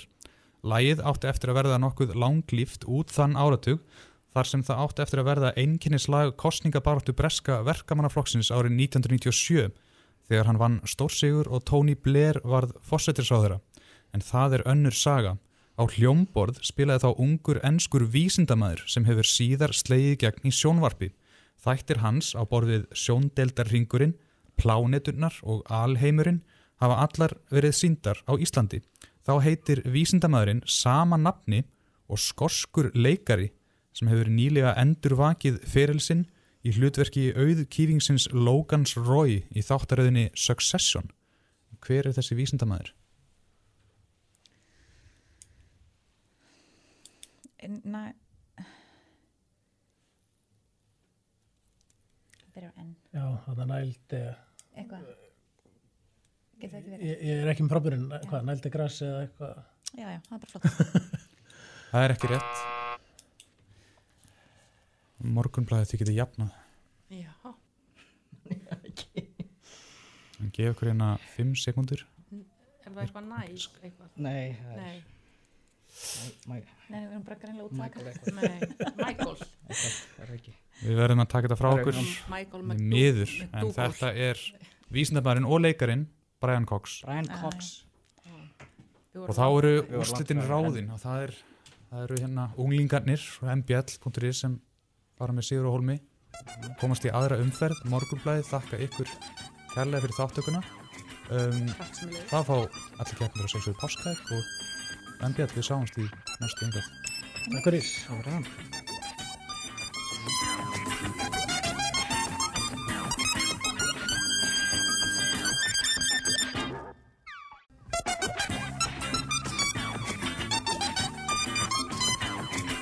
Við höldum áfram með spurningakeppni fjölmjöluna 2022. Ég heiti Björn Teitsson og er umsónamæður og með mér er Áskir Þór Sigursson, tæknumæður að vanda. Og þá er komið að við erum Djevaf og Stundarinnar. Við erum velkomin. Eh, Við ætlum kannski að fá ykkur til að kynna ykkur. Við byrjum kannski hérna á vagnum. Máni Snær Ég heiti Björn Þorfinsson Ég heiti Jón Ingi Stefánsson Og ég heiti Aðarsteit Kjartansson Já, kannski rétt taka fram að það voru liðismenn Djevaf sem hófuð að kynna sig. Er mikil reynsla af spurningakeppnum í þessu herbyggi? Eh, Já, ég er nú alveg nokkru sinnum mætt hingað og hérna með svona sveiflukendum árangri og það sem er að hérna já, bara óþægilegt fyrir mig er að hérna aðastinn vannmeinu sinni í, í hérna úrslitum ég ætla bara að segja fyrst hvað áður hann fyrir að monta sig Ég ætlaði alls ekkert að minnast á þetta Vopnin tekinn úr höndunum á Já. Alsteini ekki fyrsta sinn. Nei, segðu, segðu Nei, um, eru þið, hérna, þú hefur verið en áður Alstein, Jón Ingi, þú líka? Já, við, ég hef kæft vísar áður Datt út í fyrstum fyrir bæðaskiptin Fyrir Ok. En þið eru vongóðir núna? Já, alltaf þegar þrennt er. Vonin heldur okkur Ég vil líka taka fram að hann er víst með getur betur bakgrunn ef að það skildi fara illa Já, þar Ætlar þú að svara allir spurningum fyrir okkur líka?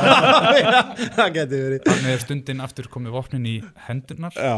Um, Við höfum haft það þannig að liðið sem kemur lengra að hefur leik Það er kannski Það er Er- tæpt. á- nýju- vestar. Á nýju staðsendingunni, er það ekki? Já, mun á svona 300 metrum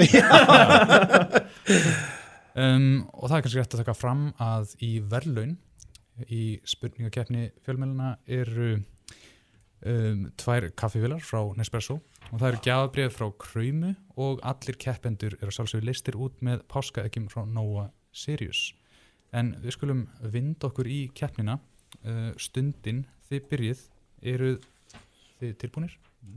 Já, bara eins og maður verður. og þá förum við, förum við í eina æsispennandi flokk spurt er um ríkistofnun. Hún tók til starfa árið 2010 og á samkvæmt lögum að gæta hagsmuna skjólstæðinga sinna og veita þeim ráðgjöf.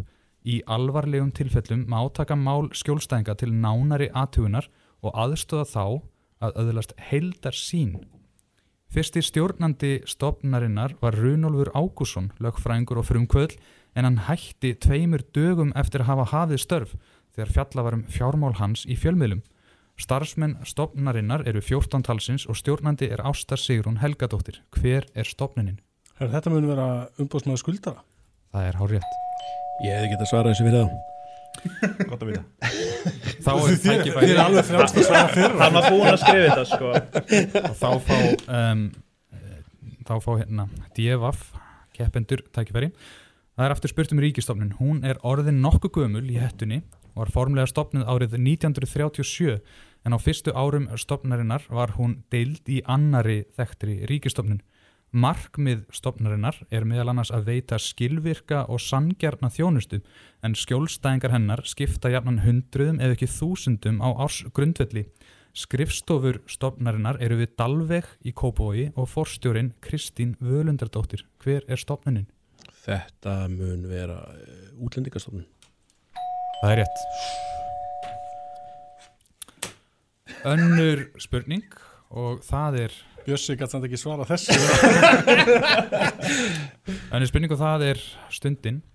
Fall Berlínar múrsins árið 1989 markaði tímamót og gætti áhrif af þessu víða, þar á meðal, í tungumálinu. Fjölmör kennileiti, borgir og bæir sem voru í eða á áhrifasvæði Sovjetríkjana í kaldastriðinu höfðu tekið sér ný nöfn eftir setna stríð, oftast til að heiðra minningu látina leiðtoga eða kenni meistara kommunismans. Þannig hétu rúsnesku borginnar Volgograd og Pétursborg allt öðrum nöfnum, eða Stalingrad og Leningrad sem dæmi. En við hvaða mann var þýska borgin Chemnitz kend frá árinu 1953 allt til ásins 1990? Jú, ekki. Sem bara Stalin. Það er ekki rétt, Tífaf. Það eru Þískaborgin. Já. Eða að fara í eitthvað náða. Bismarck. Nei. Ertu með eitthvað betra um þetta? Bara Lenin, eitt gískið. Já. Uh, Lenin. Já. Já. Það er ekki rétt, þetta var uh, Karl Marxstadt. Já. Um, en Divaf, um, þið fá næstu spurningu. Annar þjóðverji var afar, við, afar farsæl í því að vera notaður sem nafna innblástur fyrir bæði staði og skeppnir. Þannig eru skýrðar í höfuð á honum um, tegundir mörgjasa og kolkrabba, fjöldi bæja um allan heim, grunnskólar, mentaskólar og háskólar og svo má lengi telja. Í raun á þessi maður heimsmet í þessu, engin maður hefur verið innblástur nafna fyrir hluti, fyrirbæri staði eða skeppnur jafn oft og hann. Frægasta stopnunin sem er nefnd í höfuð þessa þjóðverja er líklega stærsti háskólinn í Berlín sem er endra nefndur í höfuð bróður okkar manns einnig. En hver er þessi maður? Herru það, Kaiser. Það er ekki rétt. Ha? Erasmus. Það er heldur ekki rétt. Þetta er Alexander von Humboldt um, og þannig var vísað í Humboldt háskóla í Berlín sem er skýrður í höfuð á Alexander og bróður hans Wilhelm. En við höldum áfram þriðja víksl spurning og það er stundin. Þá ætlum við að færa okkur í bókmentaverk Hallgríms Helgasonar. Í fyrstu skáldsögu hans frá árinu 1990 kynumst við nötrum raunveruleika aðalpersonunar 14 ára unglingstúlku sem heitir Helga Dröfn. Raunveruleiki hennar takmarkast við lítið bæjarfélag og samkomustað bæjarins þar sem hún hefur fengið sömarvinnu. Samkomustæðurinn er auðvitað vídeolega. Skaldsagan heitir eftir bæjarfélaginu sem er að finna í rétt tæpla 100 km fjarlæð frá Reykjavík. Í gegnum bæjarfélagið rennur ytri rangá. Hvert er bæjarf bæjarfélagið og þar með nafnið á fyrstu skaldsugu Hallgríms? Mhm. Ekki hella. Það er rétt. Ég man aldrei hvort er á, þú veist, aldrei að hella. Og þá er það sambarleg spurning á divaf. Í annari skaldsögu Hallgríms frá árinu 1994 fáum við að kynnast henni stórkostlegu listakonu Ragnhiði Byrnu sem trúur því statt og stöðugt að hún eigi eftir að slá í gegn. Eitthvað lætur listaferillin þó standa á sér þar sem Raggabirna rekst á ótal hindranir, einhverjar þeirra líklega sjálf skapaðar. Að lokum nær Ragga fræðu frama á svona séð og heyrt mælikvarða sem var eftirvill ekki svo fræð sem hún stemdi að í byrjun. Og þó, en hver er bókin? Fá eitthvað svona á eitthvað til að miða við Þetta fengur sjóð og heyr. Já. Ah. Ég er ekki með þetta maður Ert þú með það? Ég, nei, ég var ekki fættur þessi bókum út sko Nei, það er ágættis afsökun uh, Nei Dalvik Nei, við erum ekki að fara þangað Við hérna uh, Já, nei, við, við verðum eiginlega að gefa þetta frá Við segjum 101 reykjavík til að segja eitthvað sko. Það er ekki rétt. Stundin vil ég reyna að stela. Já, við viljum reyna það. Það tæmis maður alveg. Já.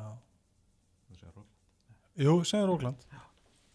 Það er heldur ekki rétt. Þetta er, san, þetta er alltaf koma sem var síðar uh, gerað leikriti leikstór Baltasars Kormáks. En uh, við heldum áfram staðan er 2-1 stundinni í vil, það er komað fjórðu víksl spurningu. Á Íslandi njóta orkudrykkir mikill að vinsalda og hafa gert í það minnsta aldar fjórðung eða svo. Segja má að sá drykkur sem kom fyrst sem hafi komið fyrst fram á sjónansvið í þessari undir tegund svalandi drykja hafi verið Magic. Hann var seldur í 250 milli, millilítra dósum og var vinsall hjá háskóla og mentaskólinemum þegar læra átti undir próf. En frá hvaða landi var drykkurinn Magic? Breldi. Það er ekki rétt.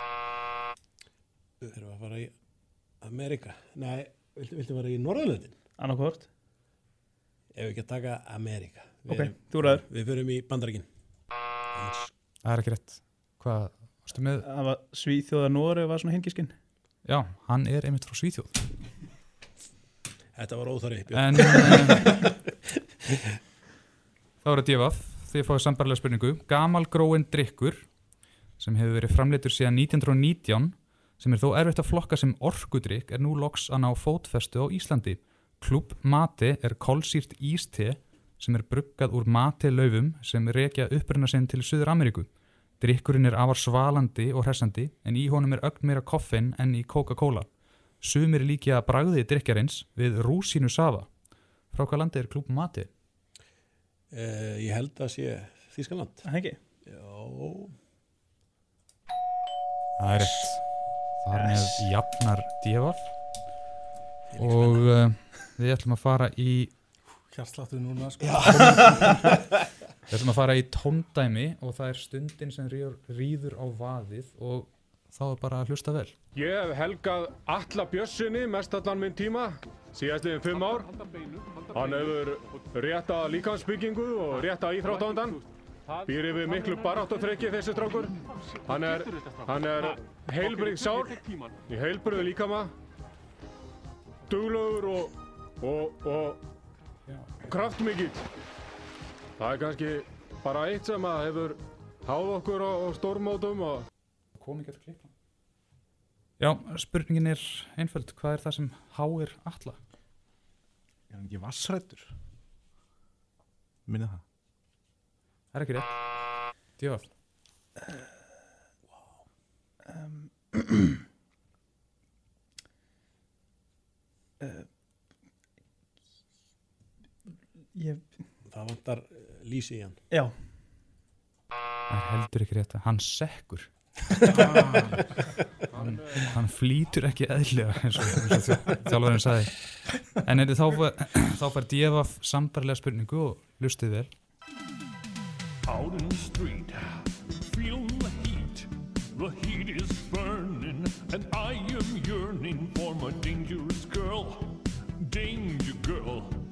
coming to the street. You to meet.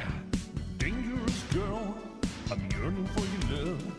Dangerous girl, I'm yearning for your love. Dangerous girl, I'm yearning for your love. Dangerous girl, I'm yearning for your love. Já, spurningin er hvað heitir hljómsveitin sem flytur lagið Dangerous Girl? Hljómsveit? Ég er bara, er eiga nokkuð lög? Já, það þarf vart að taka fram að þetta er úr hennum óborganlegu fósbræðurum. Já. Já, þá er þetta hérna. ekki rétt. Nei. uh, shit, ég er ekki með þetta maður. Þetta er, þetta er ekki gott. Nei. Betur, er þetta ekki alvöru hljómsveit? Þú getur afsakað þeim aldrinum, sko. Ég horfði á þetta. Já. Ég maður það ekki. Þarna, þú mátt bara skjóta. Já. Uh, ég ætla bara ekki eins og skjóta. Ég gef þetta bara frá mér. Jæja. Ja. Ekki segja þetta strax. Stundin. Þetta var að sjálfsögðu Mogo Jacket. Það er rétt. Oh. Vel gert. Gast ekki þóst verið að hugsa það. Um, og þá er það sjötta víksl spurning, staðan er 3-2 fyrir stundina. Andstæðingar Íslendinga í íþróttum eru ekkert sérstaklega vinsælir hér á landi og eru margir þeirra jafnvel hataðir dátt. En þá er rétt að spyrja, í hvað grein keftu andstæðingar Íslands á borðið Ab Wolders, Ilka Númistó, Jamie Reeves, Jeff Capes og Bill Kasmæður? Þeir voru þeir voru sterkasmann heims. Það er hárétt. Það voru andstæðingar Jóns Páls Sigmarssonar. Og þá er það sambarlega spurninga á Devaf. Í hvað grein keftu eða keppa þeir Zach Cummings, Rick Story, Deman Maya, Albert Tuminov, Gilbert Burns og Takashi Sato? Þetta er í hérna uh, MMA hjá Gunnari Nelson. Hárétt. Og þá er komið að sjöndu og síðustu víksl spurningu, stanni fjögur þrjú, æsir spennandi, þetta getur endað uh, hvort með einn sem er uh, stundin. Við höfum verið að spyrja um 90s tónlist og þá sérstaklega tónlistarstefnu sem gengur undir nafnu Eurodance og höldum því áfram. Einn allra vinsalasti tónlistamæður stefnunar heitir réttu nafni Nestor Alexander Hathaway.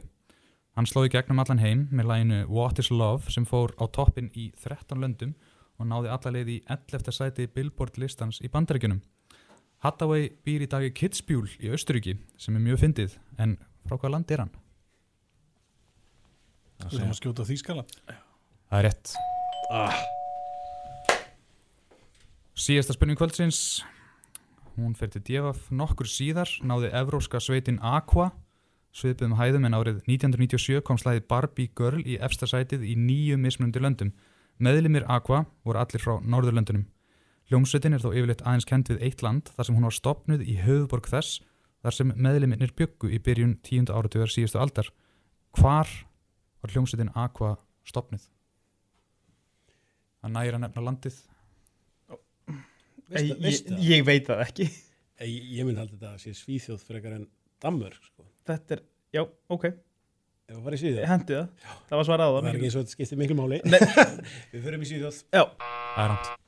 Danmörk. Það er Danmörk og þá er keppnin lokið 6-3 sigur fyrir stundina. Þetta var æsi spennandi en það er bara margt sem getur gestina og loka, loka meturnum. Sjá hann brosandi á Eh, Stundin til amingju, þeir eru komnir áfram. Djefaf, takk kærlega fyrir þáttökuna. Þið fáið sárabót, það er. Þannig að ykkur og bara takk fyrir. Takk kærlega fyrir okkur. Takk fyrir.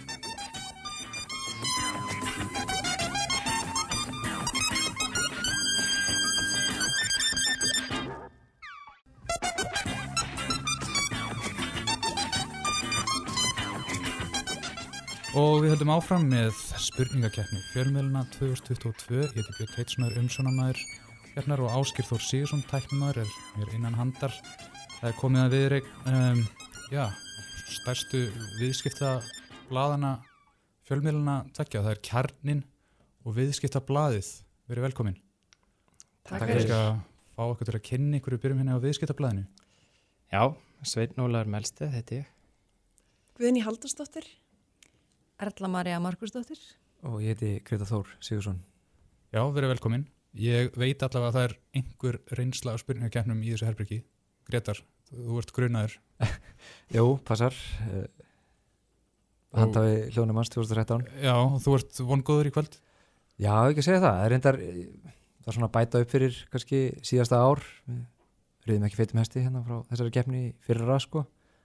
Einmitt, einmitt. Hafið þið tekið þátt í þessari keppnaður? Nei. Nei. Þið eru Nei. full tilhlökunar og vongóð um byrjanda hefni. Heldur betur. Heldur betur. Um, við höfum haft þetta þannig að liðið sem kemur lengra að fara að hefja leik og mig gruna þá að það sé þið Já, við komum af grandanum. hana. Grandanum, jú, við giskum á það að kjarnin sé komin lengri leið og, na, og við ætlum að senda að fara yfir verlunin uh, Sigur lið uh, keppnar í ár fær um, kaffifélar frá Nespresso gjafabrið frá Kröymu og allir keppendur eru sálsögur leistir út með páskaeggjum frá Noah Sirius.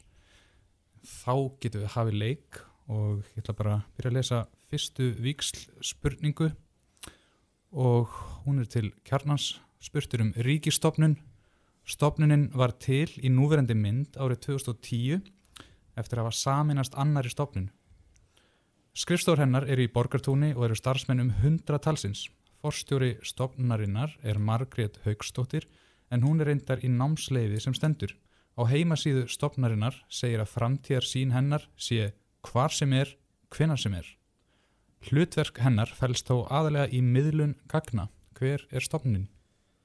Miðurstofnun, er hún ekki í borgatúni? Jú, ég, Þessi var hinn sem var mér dætt í hug. Já. Þessi hérna Margrét Haugstóttir, er hún... Ég veit ekki. Ég treysti þér hljóðunum að hafa honum. Það er mikil pressa hérna mínum herðum. Uh, Nei, bara út frá hérna miðlum gagna og mér vel á að segja hagstofan. Það er ekki rétt. Viðskiptablaðið. Er það þjóðskrá? Það er rétt. Sorry, sorry. Vel gert. Fyrirgefðu. Já, já, bara Og viðskiptablaðið fær þá næstu spurningu. Og við spyrjum aftur um ríkistofnun. Hún er ein elsta stofnunin sem enn er rekin í íslenska stjórnkjörunu, stofnuð árið 1907 og heyrði hún þá undir ráþæra Íslands. Stofnunin hefur síðar verið færð til landbúnaðaráðanitis og loks til umhverfis og auðlindaráðanitis. Aðal skrifstofur stofnarinnar eru á eigilstöðum, en starfstöðvar má finna um allt land. Starfsmenn eru tæplega 70 talsins og er aðeinsti stjórnandi Þröstur Eisteinsson og ber hann einkennandi titil. Hver er stofnunin?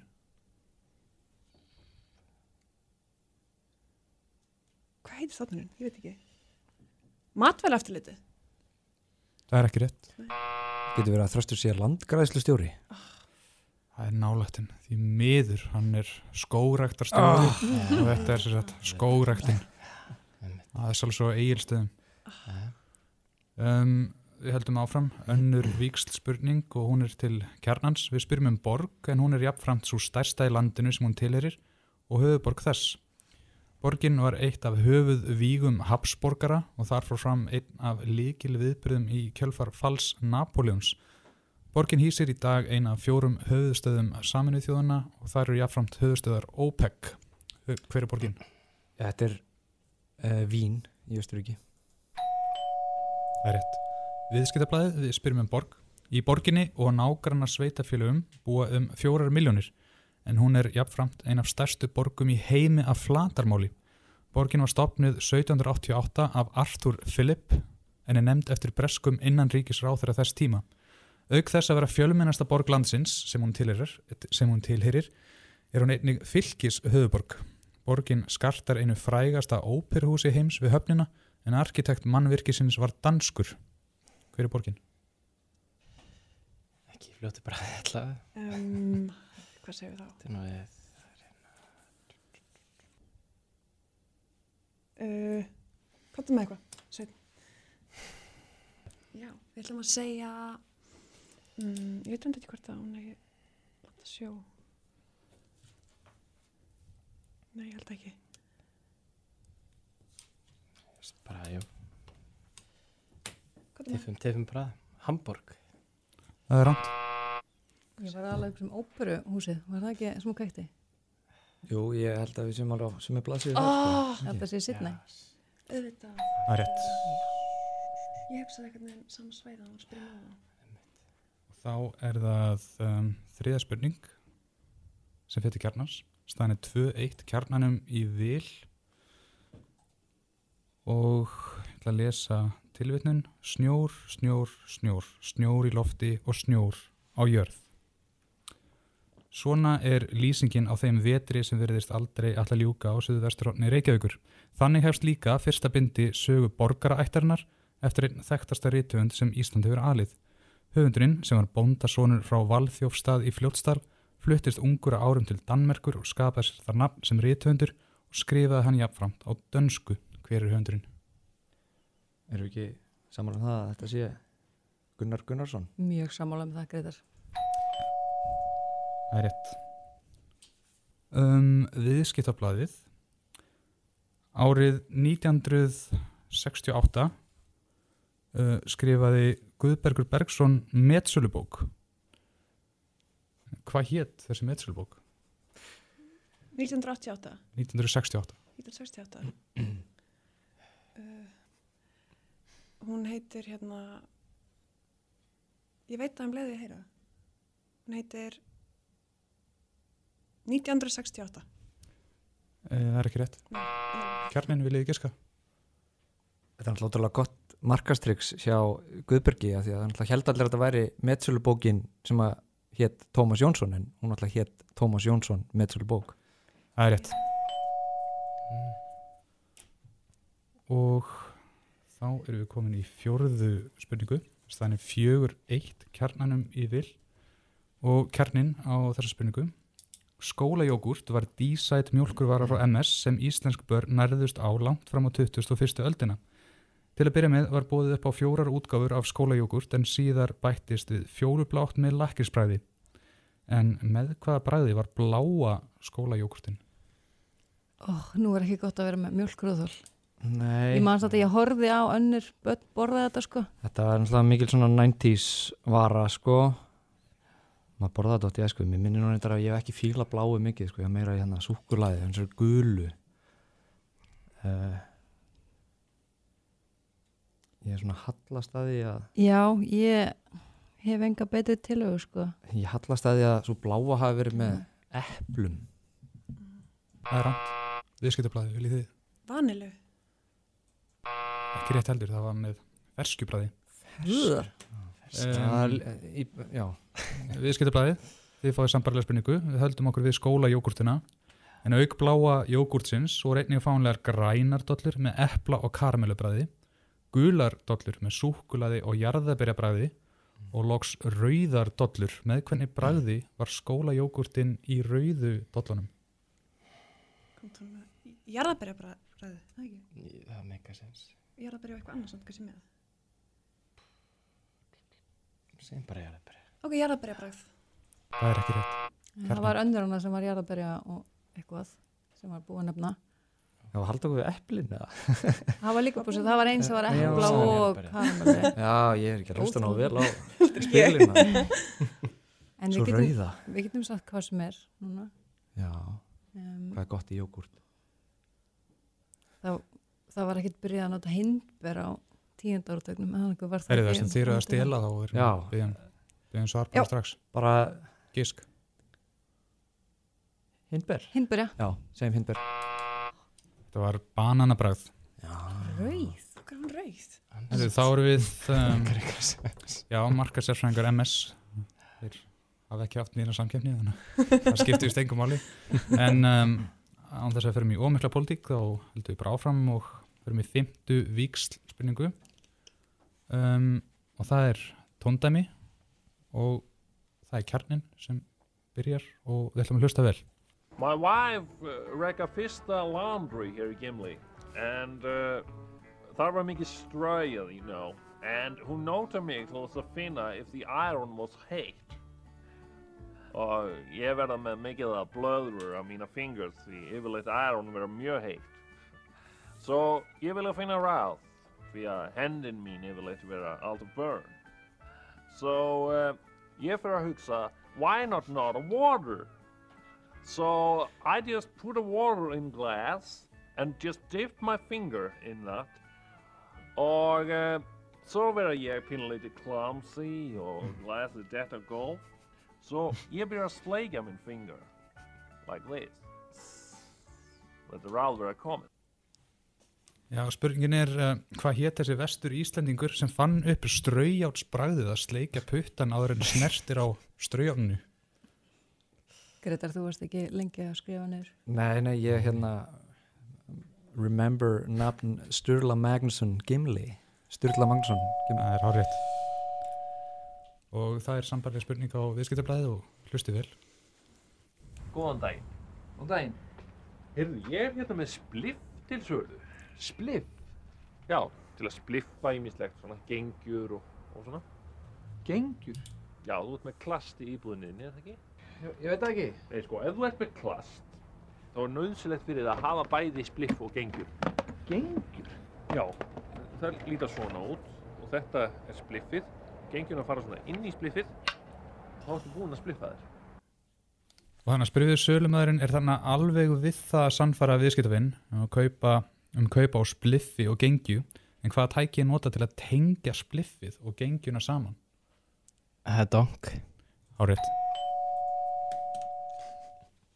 um, og þá erum við komin í sjöttu víksl spurningu staðan er 5-2 fyrir kjarnan og við fyrir í íþróttir kjarnin Íshockey er einn allra vinsalastar sjónvarps íþrótt í heimi og afar vinsal meðal þjóða sem búa norðarlega á hnettinum. Á Íslandi er íþróttin stunduð og heldur Íshockey samband Íslands utanum mótahald. Aðildarfélögin eru þrjú. Lengi vel voru aðildarfélögin Skautafélag Reykjavíkur, Skautafélag Akureyrar og Björnin í Reykjavík. En nú er síðast nefnda félagið ekki lengur til. Í stað þess býður starra íþróttafélag í Reykjavík, altså íþróttafélag sem, rekur, sem tekur einni þátt í öðrum vinsalum íþróttagreinum upp á ísokkiæfingar. Hvaða félag kom þarna í stað Björsins sem þriðja ísokki félagið? Já, Já, þú kemur að tómum konum hjá okkur og ég man vel eftir bitninum, Já, komandi úr lögadalnum, en Mm. þetta lítur að vera eitthvað í grafavóginum. Fjölnir. Fjölnir? Fjölnir. Það er rétt. Yes. Um, og við höldum okkur í ísokki. Lang sigur sælasta ísokki félag landsins er SA, skautafélag Akureyrar, en á dögunum varð karlalið félagsins Íslandsmeistari í 23. sinn. Leikmenn SA kenna sig við ákveðin þjóðflokk til að undirstrika baráttu gleði félagsins og herrkennsku. Hvað vilja meðlimir SA láta kalla sig? Þjóðflokk. Við, Getum kannski sagt Já. að svona bandarísk íþróttafélög myndu nota svipaða tækni, ok, kenna sig við eitthvað. þjóðflokk. Segðu bara þetta. Já. Ég er ekki með þetta maður. ætlum að kiska á indjánar. Það er ekki rétt. Þú talar um baráttu vilja kennsku og þetta mér eiginlega fyrst í hug sko Mári þjóðflokkurinn og það við sé- séum bara að skjóta það. Mári þjóðflokkurinn. Uh, það er ekki heldur rétt. Uh, þeir kalla sig bara SA Víkingar. Er vikingar þjóðflokkur? Nei. Þa, nei, við viljum nýja spurningu. Þetta er ekki... Já, svona er lífið, en uh, við höldum áfram í sjöundu, Nenni þið að segja eitthvað?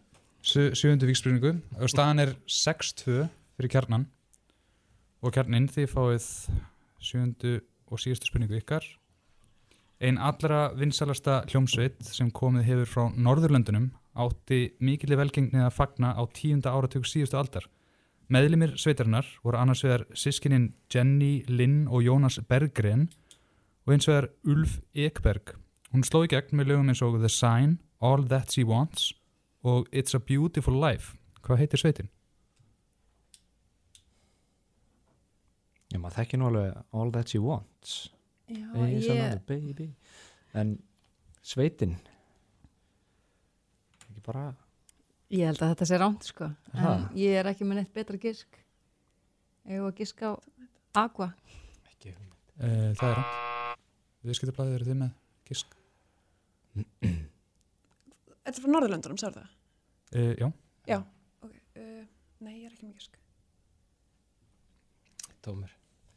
Já, þetta var stórsveitin Ace of Base. Ace of Base, man. Ég held þessi þriðja vinsalasta sannska hljómsveit frá upphafi. Já. Um, en, við höldum áfram, viðskiptablaðið, síðasta spurning kvöldsins. Önnur vinsal hljómsveit frá Skandinavíu sem slóði gegn á tíundu áratug síðasta aldar var skipið þeim Petur Svensson, Magnús Sveningsson, Bengt Lagerberg, Lars Olof Jóhansson og Nínu Persson. Hún á að baki vinsal lög á borðið Loveful, Erase, Rewind og My Favorite Thing. Hver er sveitin? Hvað heit hún eftir? Nei. Æ, ég... Hún heitir hérna...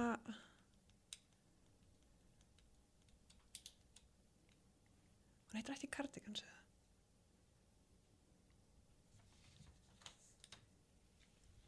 Jú, giskum á það. Já, Það kemur já, ekki til mín. Já. segðu það bara. Já. Cardigans. Það er horfitt. Er? Já, hvað er það? Já. Já. Glæslegt. En þá eru úslitin ráðinn og lokatölur eru 6-3 fyrir kjarnan. Um, Viðskiptablaðið, takk kærlega fyrir þáttökuna og þið fáið sárabót á leiðin út. og- þjóðflokkurinn viðskiptablaðið er farin. Já, en þið getið kannski kært uh, úrslitin til uh, Fjölmiðlanefndar? Fjölmiðlanefndar, já. Já. Kalla að það. Við erum Þú þurfum að vita í- hvað, hvað er hægt að hafa upp úr því en þið fáið að minnstakosti páska egg hérna leiðinu út og bara takk kærlega fyrir þáttökuna kjarnin, þið eru komin í aðra umferð til hamingju og við sjáumst þar þakkir. þar. Sjáumst. Takk fyrir.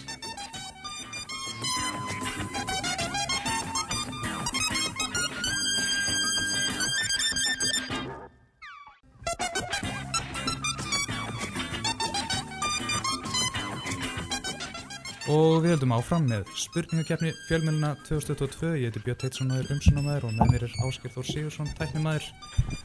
Og það er komið að bara stór einvíi. Þetta er, þetta eru liðin sem mættust í úrslitum í fyrra. Það eru lið frjáls verslunar og lið útarps sögu. Velkomin. Takk. Takk. Takk. Uh, byrjum kannski að kynna liðin hérna þið í frjálsri verslun. Viljið þið hefja leik? Já, ég heiti Júlíus Þór Haldarsson. Og Ingvar Haraldsson. Ég heiti Pétur Gunnlaugsson. Magnús Þór Hafsteinsson. Já, ég heyrði hérna einhver orð á borðið að tími hemdarnar væri runnu. Það getur verið. Það má kannski taka fram að útvarp saga fór með Sigur og Holmi í fyrra. Frjálsverslun, þið hérna ætlið ykkur að, að svara fyrir tapið í fyrra. Við erum búin að vera að æfa bara síðan hérna. Við erum bara ekki gert neitt annað sko. Annan í páskum, síðan í annan í páskum í fyrra. Ár sko. Já. Einmitt og útvarp saga, um, glæslegu Sigur í fyrra, en það er kannski ómögulegt að, að hérna fá glæslegu verlun aftur í ár. Já, ég var að frétta það að það verður sömu ölan í ára og í fyrra.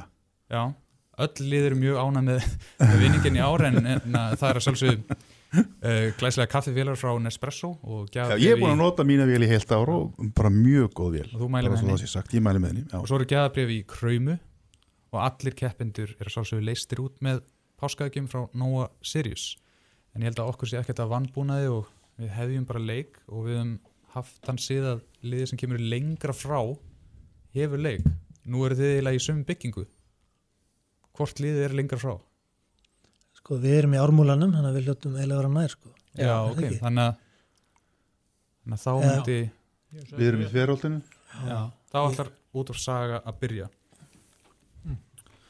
Og það er fyrsta spurning og við höfum haft það skemmtilega þema að spyrja um ríkistofnun og það gerum við núna við spyrjum um ríkistofnun stofnun þessi er ykkur uppruna sinn til annarar stofnunar sem var sett á legg árið 1907 Hlutverk hennar er meðal annars að vinna að fræðislu, leiðbenningum, rannsóknum og þróunarstarfi á sínu sviði. Stopnunin er ekkur fræðslu og kynningarsetur í Gunnarsholti á Rángarvöllum. Starfsmenn hennar eru 56 og er aðisti stjórnandi Árni Bragason og, hann, og ber hann einkennandi titil. Hver er stopnunin? Landgræslan. Það er rétt. Og frjálsverslun, það er sambarilega spurningu, spyrum um ríkistofnun. Hún var stopnuð árið 1936 þegar byltingarkend lög voru sett um kjör almennings. Skjólstæðingar stopnarinnar skipta þúsundum og eru margir þeirra á besta aldri. Samkvæmt heimasíðu stopnarinnar er framtíðar sín hennar að veita framúrskarandi þjónustu, sína fagmennsku í starfsaháttum og vera framsækin vinnustæður.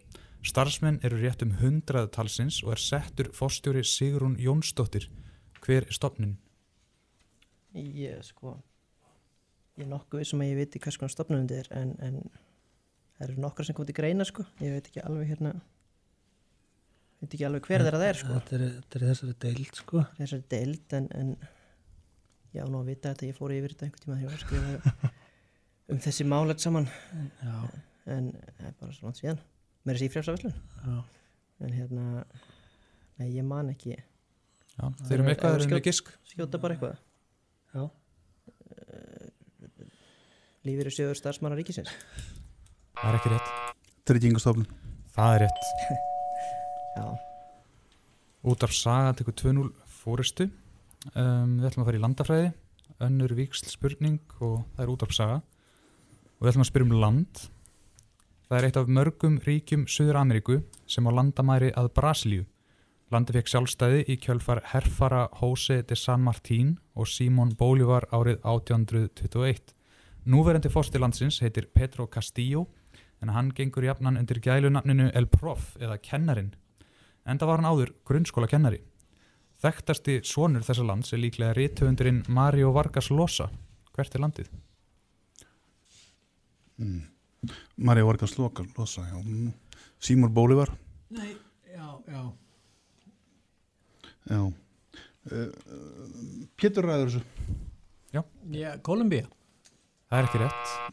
Frálsveslun. Svar fljótt. já, ég vil Er þetta alveg átt? er hann að, segjum bara annað hvort Paraguay. Það er ekki rétt, þetta er Ég- Perú. Jæja. Og sambarleg spurning á frjálsa verslun. Við spyrjum um borg. Hún er hvortvekja höfuborg landsins og fjölmennasta borg þess. Upphásmaður hennar er Pedro de Mendoza og telst borgin stopnuð árið 1536. Hún stendur við ósa Rio de la Plata og jafnan kölluð drottningin af La Plata en vegna mikill áhrifa frá evrópskri menningu er borgin stundum kölluð París, Suður Ameríku. Hver er þessi borg? Já, Buenos Aires. Það er rétt. Það er útafsaga. Þriðja víksl spurning og við ætlum að færa okkur hans í menninguna. Davíð Oddsson var eitt sinn skáld og útafsmaður og orti hann þá ljóð og smásögur. Þar á meðal kvæðið við Reykjavíkur tjörn.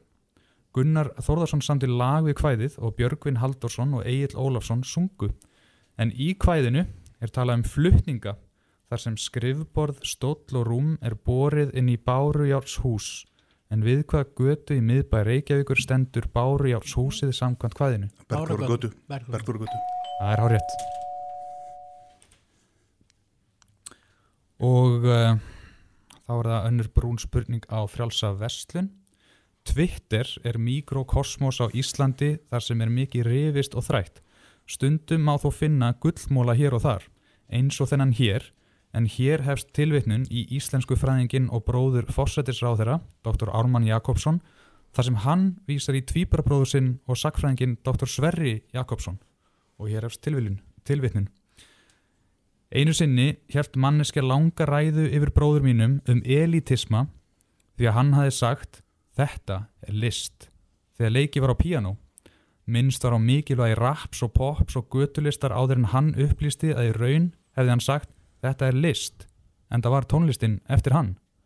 En spurt er hvers lenskur var Frans List?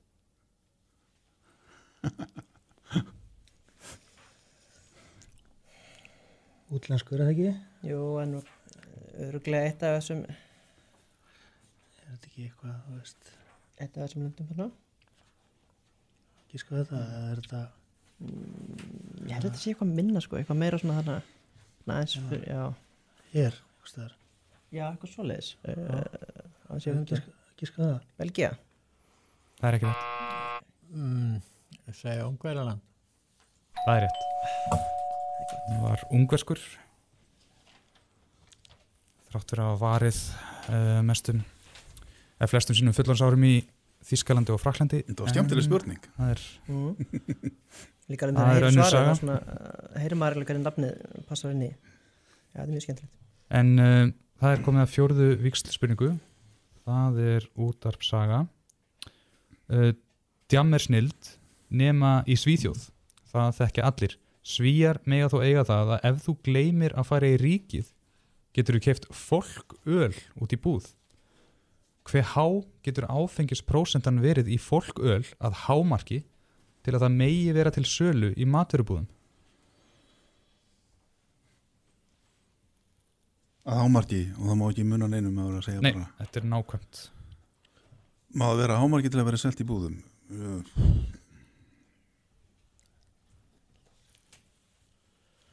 Fjögur prósent Það er ekki rétt. Frálsverslun. Er það herra að læra? Er við ætlum að segja 3,5? Það er rétt. Já. Sko, er Það ekki verið hærra, þá ertu náttúrulega bara komin á djammið í. Og Svíjar passan upp á það, það gerist ekki. Nett. En þá er það sambarlega spurning á frjálsaverslun. Uh, Íslendingar vita þó að ef þeir gleyma að ferja ríkið eru þeir í vondum málum og geta ekki bjargað sér með neinu móti. Nú nema með því að drekka rosalega mikið magna pilsnir. Hve há getur áfengisprósentan verið í pilsnir eða sambarlegum vörum að hámarki í maturubúðum og sjoppum á Íslandi? Við teljum okkur á meira reynslu af þessu, Mm. hérna 2,25%. Það er rétt. Þá er að færast mikil spenna í keppna á nýja leik og staðan er fjögur þrjú út af sögu í vil og við erum komin að uh, fymtu spurningu og þá heyrum við tóndæmi. Fyrsta tóndæmið fær út af saga og hlustið vel. Það verið samin mörg lög um föstudags- og lögadagskvöld en ekkert um þriðudagskvöld. Hérna kemur það. Helgin er svo lengi að líða Hversu lengi má ég býða Fram á þriðjudagskvöld. Ó, ó, ó, fram á þriðjudagskvöld. Við förum kannski í bíó Og síðan farin á. Komumst kannski feitt Það er allt opið til eitt Já, þannig heyrðum við um, brotum úr óbar, þáttum, um, þáttum með hennum óbarkanlegu fóstbræðrum og þannig er einfallega spurt hvað heitir gleði sveitin sem flutti ógleymanlega lægið um þriðjudagskvöld? Það er nú það Bara skot út í loftið sko Já. Bakalúður Það er ekki rétt, frálsverslun. Gleðisveitin Party. Það er rétt, þá er staðan jöfn. Og frjálsverslun fær sambarlega spurningu og hlustið vel. Og, og þú segist þetta að, að leita að langar að kynast manni og... Ja, ein guter, sterker Mann. Mein Mann ist tot und ég er búin að vera ekja í fünf jahren og nú sarf ég karlmann, bitteschön. Ok. Og eitthvað sem að, sem að þú vilt leggja áherslu á, kannski áhugamál eða eitthvað? Ja, ich liebe Musik. Hann verður að hafa musikalitet. Mm, verður að vera músikalskur. Ja, ein Musikant, mein Herr. Já, og þá er spurningin bara, hver er það sem þarf að fá mann? Mann með musikalitet. Er það ekki hún Pænhildur? Jú, það er bara hárið. Og þá er staðan orðin 5-4 fyrir frjálsa verslun. Sjötta spurning út af saga. Viljálmur Einarsson er einn allra fremsti íþróttamæður sem Íslandingar hafa átt. Hann setti olimpíumet í langstökki á leikunum í Melbourne árið, á olimpíuleikunum í Melbourne árið 1956 sem hann átti svo um skamma hríð eða uns Brasiliumadurinn da Silva sló metið í sömu keppni og tók gullið. Þegar heim var komið helgaði Viljálmur sig mentamálum, hann var skólastjóri í þremur mismunandi skólum og var auk þess kennari. Í hvað grein var Viljálmur kennari? Og ég stjóta Já, ég skjóta. Sögu Það er ekki rétt. Sko, það er nú einn sem er nú helviti sko nærtækust. Það var að segja það. Já, ég hef ekkert betra sko. Leikum við. Það er gott gísk, en hann tók stundum að sér starfræðikenslu. Frálsverslun. Vala Flósadóttir er sömulegðis eina af okkar allra fremstu íþróttakonum. Hún náði sér í bronsverlun á olimpíuleikunum í Sydney árið 2000 þar sem hún stökk hæst yfir 4,50 metra. Vala á ættir að rekja til Egilstaða, rétt eins og Vilhelmur Einarsson, en einnig til Vestfjörða. Á Íslandi bjó hún þó lengst af á Bíldudal, en þar fyrir utan hefur hún verið meir og minna búsett í öðru landi. þar sem hún býr raunar í dag með fjölskyldu sinni. Hvar býr Vala Flósdóttir í dag? Það eru ekki að taka bara líkurnar. Hvað Jú, búa ég- flesti íslendingar? Ég held það sko, en Danmörk. Já, Svíþjóð. Svíþjóð er rétt. Já, þetta getur ekki verið meira spendið. Það er staðan er 5-5, það er ein spurning eftir. Og hún nummer 7, út af saga. Eurodance tónlistakonan Gala er frá Ítalju og sló hún rækilega í gegn árið 1996 með læginu Freed from Desire. Henni og flestum öðrum á óvörum naut lægið svo endur nýjara vinsalda 20 árum síðar í aðdraðanda Evropamótsins í fótbolta árið 2016. Þá höfðu stuðningsmenn Norður Íra breytt textanum til að hylla ungan framherja sem spilaði reyndar lítið sem ekkert í mótinu en lægið var svo gott að öllum var sama. Hver var þessi leikmaður? Ég er alveg Við veitum það ekki. Já, það er giska. Ég, það er bara að segja bara eitthvað, ég eh, bara veit það ég hugmynd. Frjálsveslin, er þið með gisk? Ég söng þetta nú með Írum á, á pöfnum í París á sínum tíma sko. Það var hérna Will Griggs. Það er rétt, Will Griggs on Fire. Ná. Þá er staðan 6-5. Um, öll von er ekki úti fyrir út af sögu, þau gætu hyrt stólist í hérna. En frjálsveslun á spurninguna. Rétt áður en hið blessaða Eurodance tónlistarhefing, áður en hinn blessaða Eurodance tónlistarhefing leiðundir lók, náði hollenska hljómsveitin Venga Boys að slá í gegn. Sveitin hafði áður gert það gott með læginu We Like to Party en árið 1999 kom sveitin tveimur lögum í efsta sæti breska vinsaldælistans. Að sjálfsögðu var annað þessara laga, laga Boom Boom Boom Boom en hitlaði fjallar um ferðalag á mjög vinsalan ferðamannastað meðal breskrar alþýðu. Staðurinn er í Baleares eigaklassunum og heitir lagið einfallega Við erum að fara til X. En hvert er þetta X? ég held að þetta er negla. Ibiza. Það er rétt. Já. Þar með eru úrslitin ráðinn, hendin er sæt eða hvað, frjálsverslun. Æfingin skapar er bara... Örlítið sætt. 7-5 er loka staðan, uh, út af saga, um, frábær framistöða, einhver síður. Bara gaman að taka þá. Gaman að fá ykkur og þið fáið sárabót, það er, það er páskaðeg á leiðinu út og frjálsverslun til hamingju, þið eru komin í aðra umferð og við sjáumst þar. Takk fyrir. Takk, takk. takk.